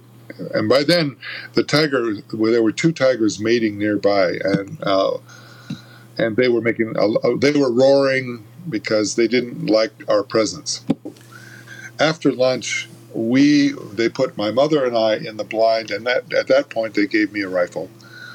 And uh, and mind you, the whole time we're out there, we're all unarmed. We're not armed, and uh, and so they put us in the machan, which is like a, a, a blind in a tree. It's like a platform about maybe twenty feet into the tree. And at this time, they the client was put on the elephant, and they they were pushing the tiger back. And I can remember sitting in the tree, and um, and all of a sudden, as the you could everything in the forest started coming out. The monkeys the mongoose the birds because the tiger was coming our way.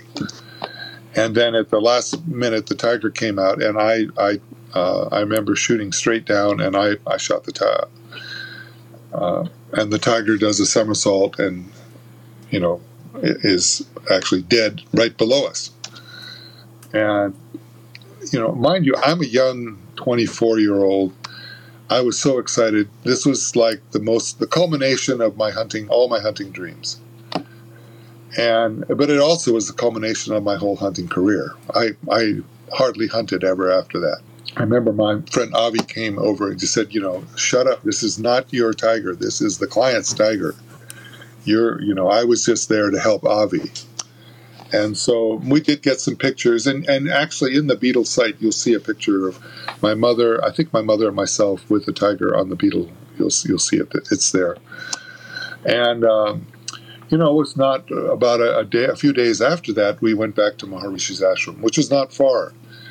And my mother was so excited to tell this story. My mother was, we always called her the general. She was, you know, she was a very charismatic, she was a beautiful woman.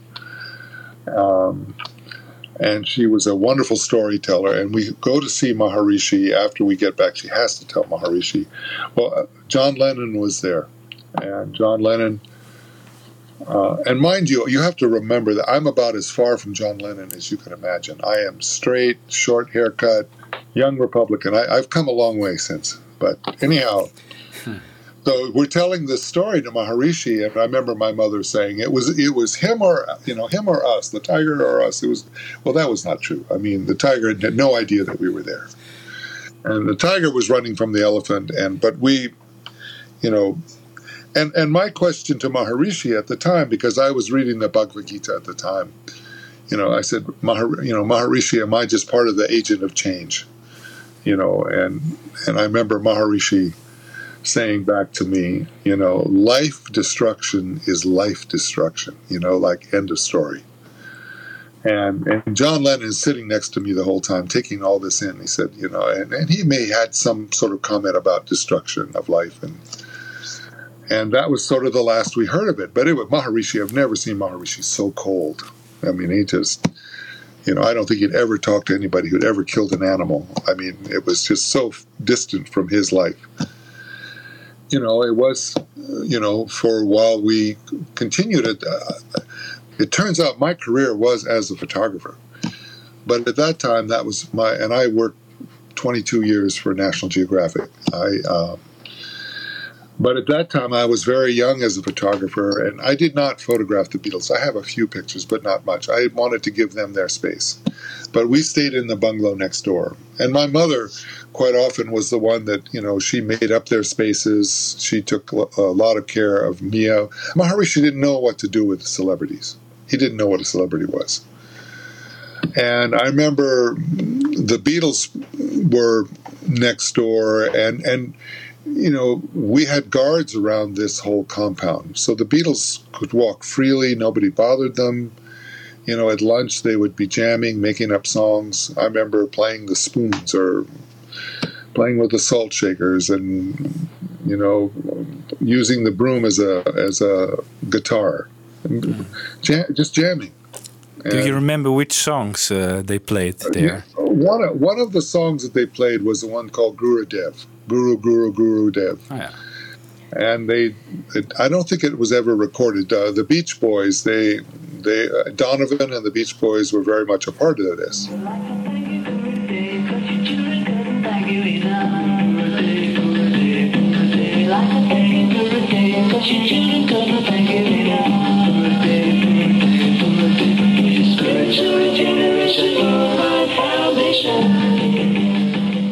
Then, you know, Maharishi made a mistake, and that is the Beatles wanted to do a movie on Maharishi. And Maharishi's head of his world organization is a man named Charlie Luce, and he was in Hollywood at the time. So Maharishi gave the permission for the Beatles to start filming a movie, which they did start to do while we were there. But then all of a sudden, the four star group where Maharishi had signed through Charlie showed up at the bottom gate and the Beatles were outraged by this because they felt that the agreement was with them. They did not want to share it with Paul Horn and his group. And it was a mistake on uh, probably on Maharishi and Maharishi's organization's part. So I can remember as the four star and Paul Horn arrived at the bottom gate, the Beatles were all of a sudden leaving instantly at the top gate. The, you know, not having the Beatles probably ended the whole thing. If the Beatles had been there, and frankly, if the Beatles had done the movie, it probably would be a movie that we would all be watching to this day. Sure. Yeah. Yeah. Uh, it, it was a sad opportunity that was missed. Yeah.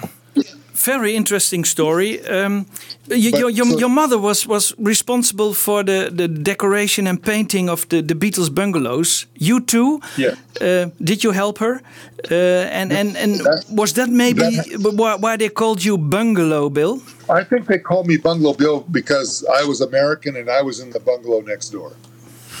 You know, we, we shared bu- we shared bungalows, and Bill was as close as, to my name as to them. To this, you know, they saw me as Bill. I, you know, Ricky really is my name, but so, but you know, it was months later that my sister hears this this you know the song Bungalow Bill on the, and she starts putting you know the the Tiger Hunt and Anglo Anglo-Saxon Sun, and it's not totally complimentary. But anytime the Beatles are using your name, in some ways, it's a compliment. I mean, yeah, it is. Yeah. at least. But but so so my my sister pointed it out, and my mother maintained a, a, a correspondence with George Harrison uh, until he died. Okay. Really? Uh, And Paul McCartney was always very nice to me. I mean, uh, just because you I, I remember I lent him photography equipment to, to help him in what he was doing.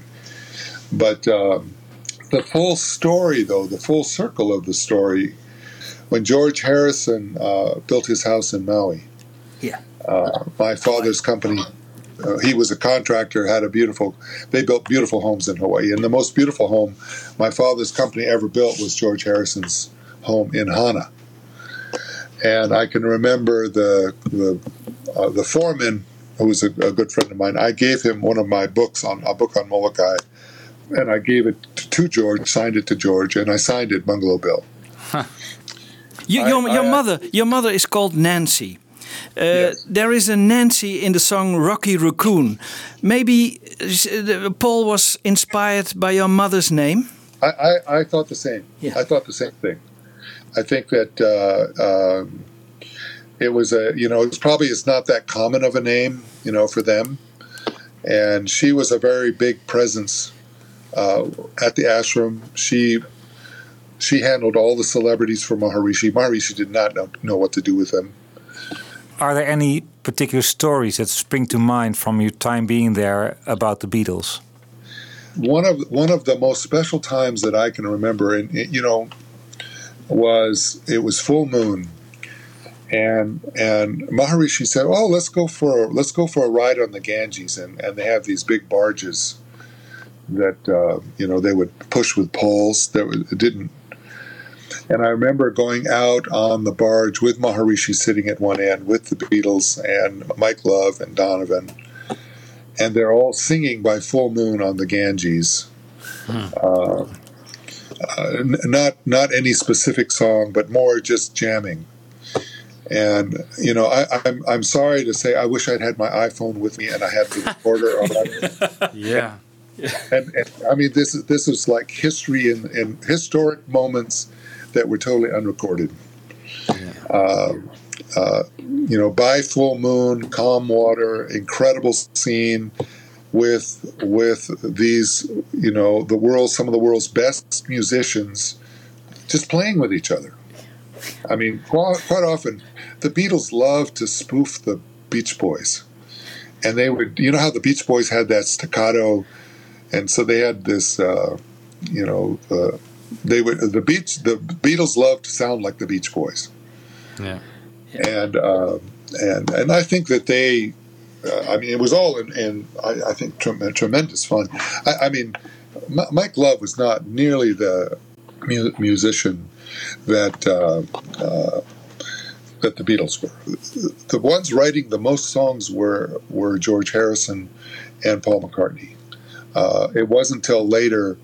And I'm not sure who wrote Bungalow Bill. I think that John Lennon wrote Bu- Bungalow Bill. I mean, it was his idea because he was the only one that was a part of that conversation with Maharishi. And and and and really, when I actually think about it, you know, that was one of the most profound conversations, you know, of my life when I think about it, because it was partly that conversation that ended my my incredible passion for hunting. I went from hunting to photographing later on that trip, I traded my gun for, uh, you know, uh, I, I traded it away, never bought it, traded all my guns away, you know, and ended up you know buying cameras instead. But uh, I went there from there to Africa and uh, and really found that uh, taking po- photos was much much more rewarding than uh, than shooting something. But uh, but I had to get through that, and you know it's curious that Jonathan uh, that John Lennon happened to be witnessing this conversation with me with the master, which which actually ultimately you know changed my life or Yeah. changed my life direction, and uh, uh, literally to have that sort of witnessed by John. And mind you, I don't think I spoke ten words to John. We were so different. I mean, and he was he's a shy. He was shy, and I was more shy. The, the thing that was always sad for me is, you know, this was a meditation course. This was, um, and to see the wives and, and George really blossoming with the amount of meditation. I mean, we're talking six hours of meditation a day. That's a lot. Uh, they, you could see that they were changing. The one who was not meditating so much was John. John was evidently, you know, more into drugs. And uh, they had another guy named Alex, I think, and he was the one that would get drugs for them. Alex. I don't know. He was from. He was a friend of their manager. Um, So you say they took, uh, John took a lot of drugs in uh, India. I don't know that. You don't know. I've been. I've only been told that. Okay. That that uh, I, I've only been told that in hindsight. I I, I You didn't witness, I was not that it. close to being around them that I, I was more into giving them space. I only saw them at the meals, um, or when we would have a have a gathering with Maharishi. Um, But uh, but generally, George and uh, Paul would be much more friendly. And in hindsight, I wish I, I wish I'd, I'd had taken LSD with John while he was taking LSD. I, it took me years later to discover it. But, but Yeah. could have saved. But but I think so much about uh, you know the the design sense, the way they used the Nehru coat and the the way the Indian fashions. They were going to the ta- little tailor in town, and they were they were creating fashions before the hippie movement happened. You, you know, I think none of us realized quite how important sort of this period was at the time No. You know it it uh, you know it was a privilege to be there with Maharishi. I I grew up around Maharishi. I was used to seeing Maharishi. I was not used to seeing the Beatles, but um, Was that a uh, surprise for you when they were at the same time at uh, the ashram as you, or did you know it beforehand? I did I did know it. Uh, I mean, I knew there. I didn't go there for them. I went there for Maharishi. Yeah. Yeah. H- how is it after 50 years to be, uh, in hindsight, to be a main character in a in a Beatles song? You know, so so so few people know that. More than you think. no, no, but it it is interesting when you go on the internet. There are so many people claiming to be Bungalow Bill. oh, really? and have, no, I mean they have these stories. He was CIA, and you know, and he was he was on the witness protection program, and all you know, just amazing stories. I mean, you know, fortunately, we took a few pictures. You know, in hindsight, would I go and shoot a tiger today? Not not on your life. I mean, I, I, but it was a period I had to go through. I had to grow through Yeah. yeah. and uh, and Maharishi to this day is a, is a is a is a big part of my life. Anyhow, so it does it impact my life now? Not really. I don't. I don't know what that is. I mean, nobody knows. And, uh, We know. but but, it, We know. but it is a but it's a wonderful. You know, in a way, I wish I was older that I could have appreciated it more at the time. Uh, there's some, there's questions I would have asked Maharishi now. There's dialogue that I would have had, but I was, you know, I was so young and just barely, you know, uh, that was my first trip on my own, really on out in the world, and uh, and literally to traveling and working for National Geographic became my profession. Um, you know, do I hear the song? You know, I don't know that the song is the most flattering song, and uh, yet I have a very strong mother, and uh, I mean, in- in many ways, the song should have been about her, not me. I mean, she, she was, Yeah. I know what you mean. Yeah, Ricky, well, thank you very much for uh, for the interview. Yes. Well, I hope it helps you. Yeah. Yeah, it, it certainly will. Yeah. If you can see, go on to my uh, either on my website, Ricky Cook. You would see a picture with me with a tiger. Yeah. Yeah. With Avi. We saw it. Uh, Um, yeah.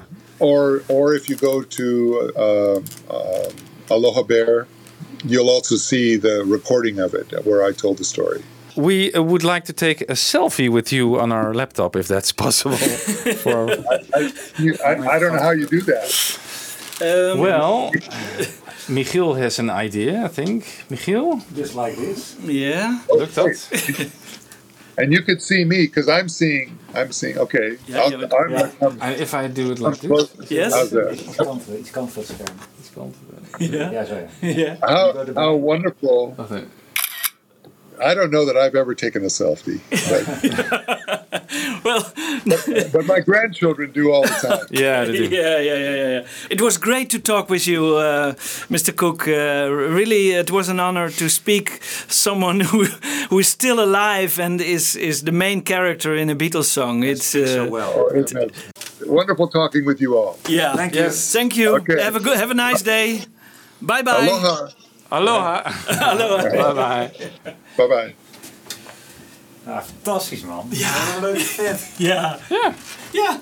ja. Leuke verhalen. Hij is dus van Republikein Democraat geworden. hè? Dat is echt geweldig. Ja. ja. Hartstikke leuk.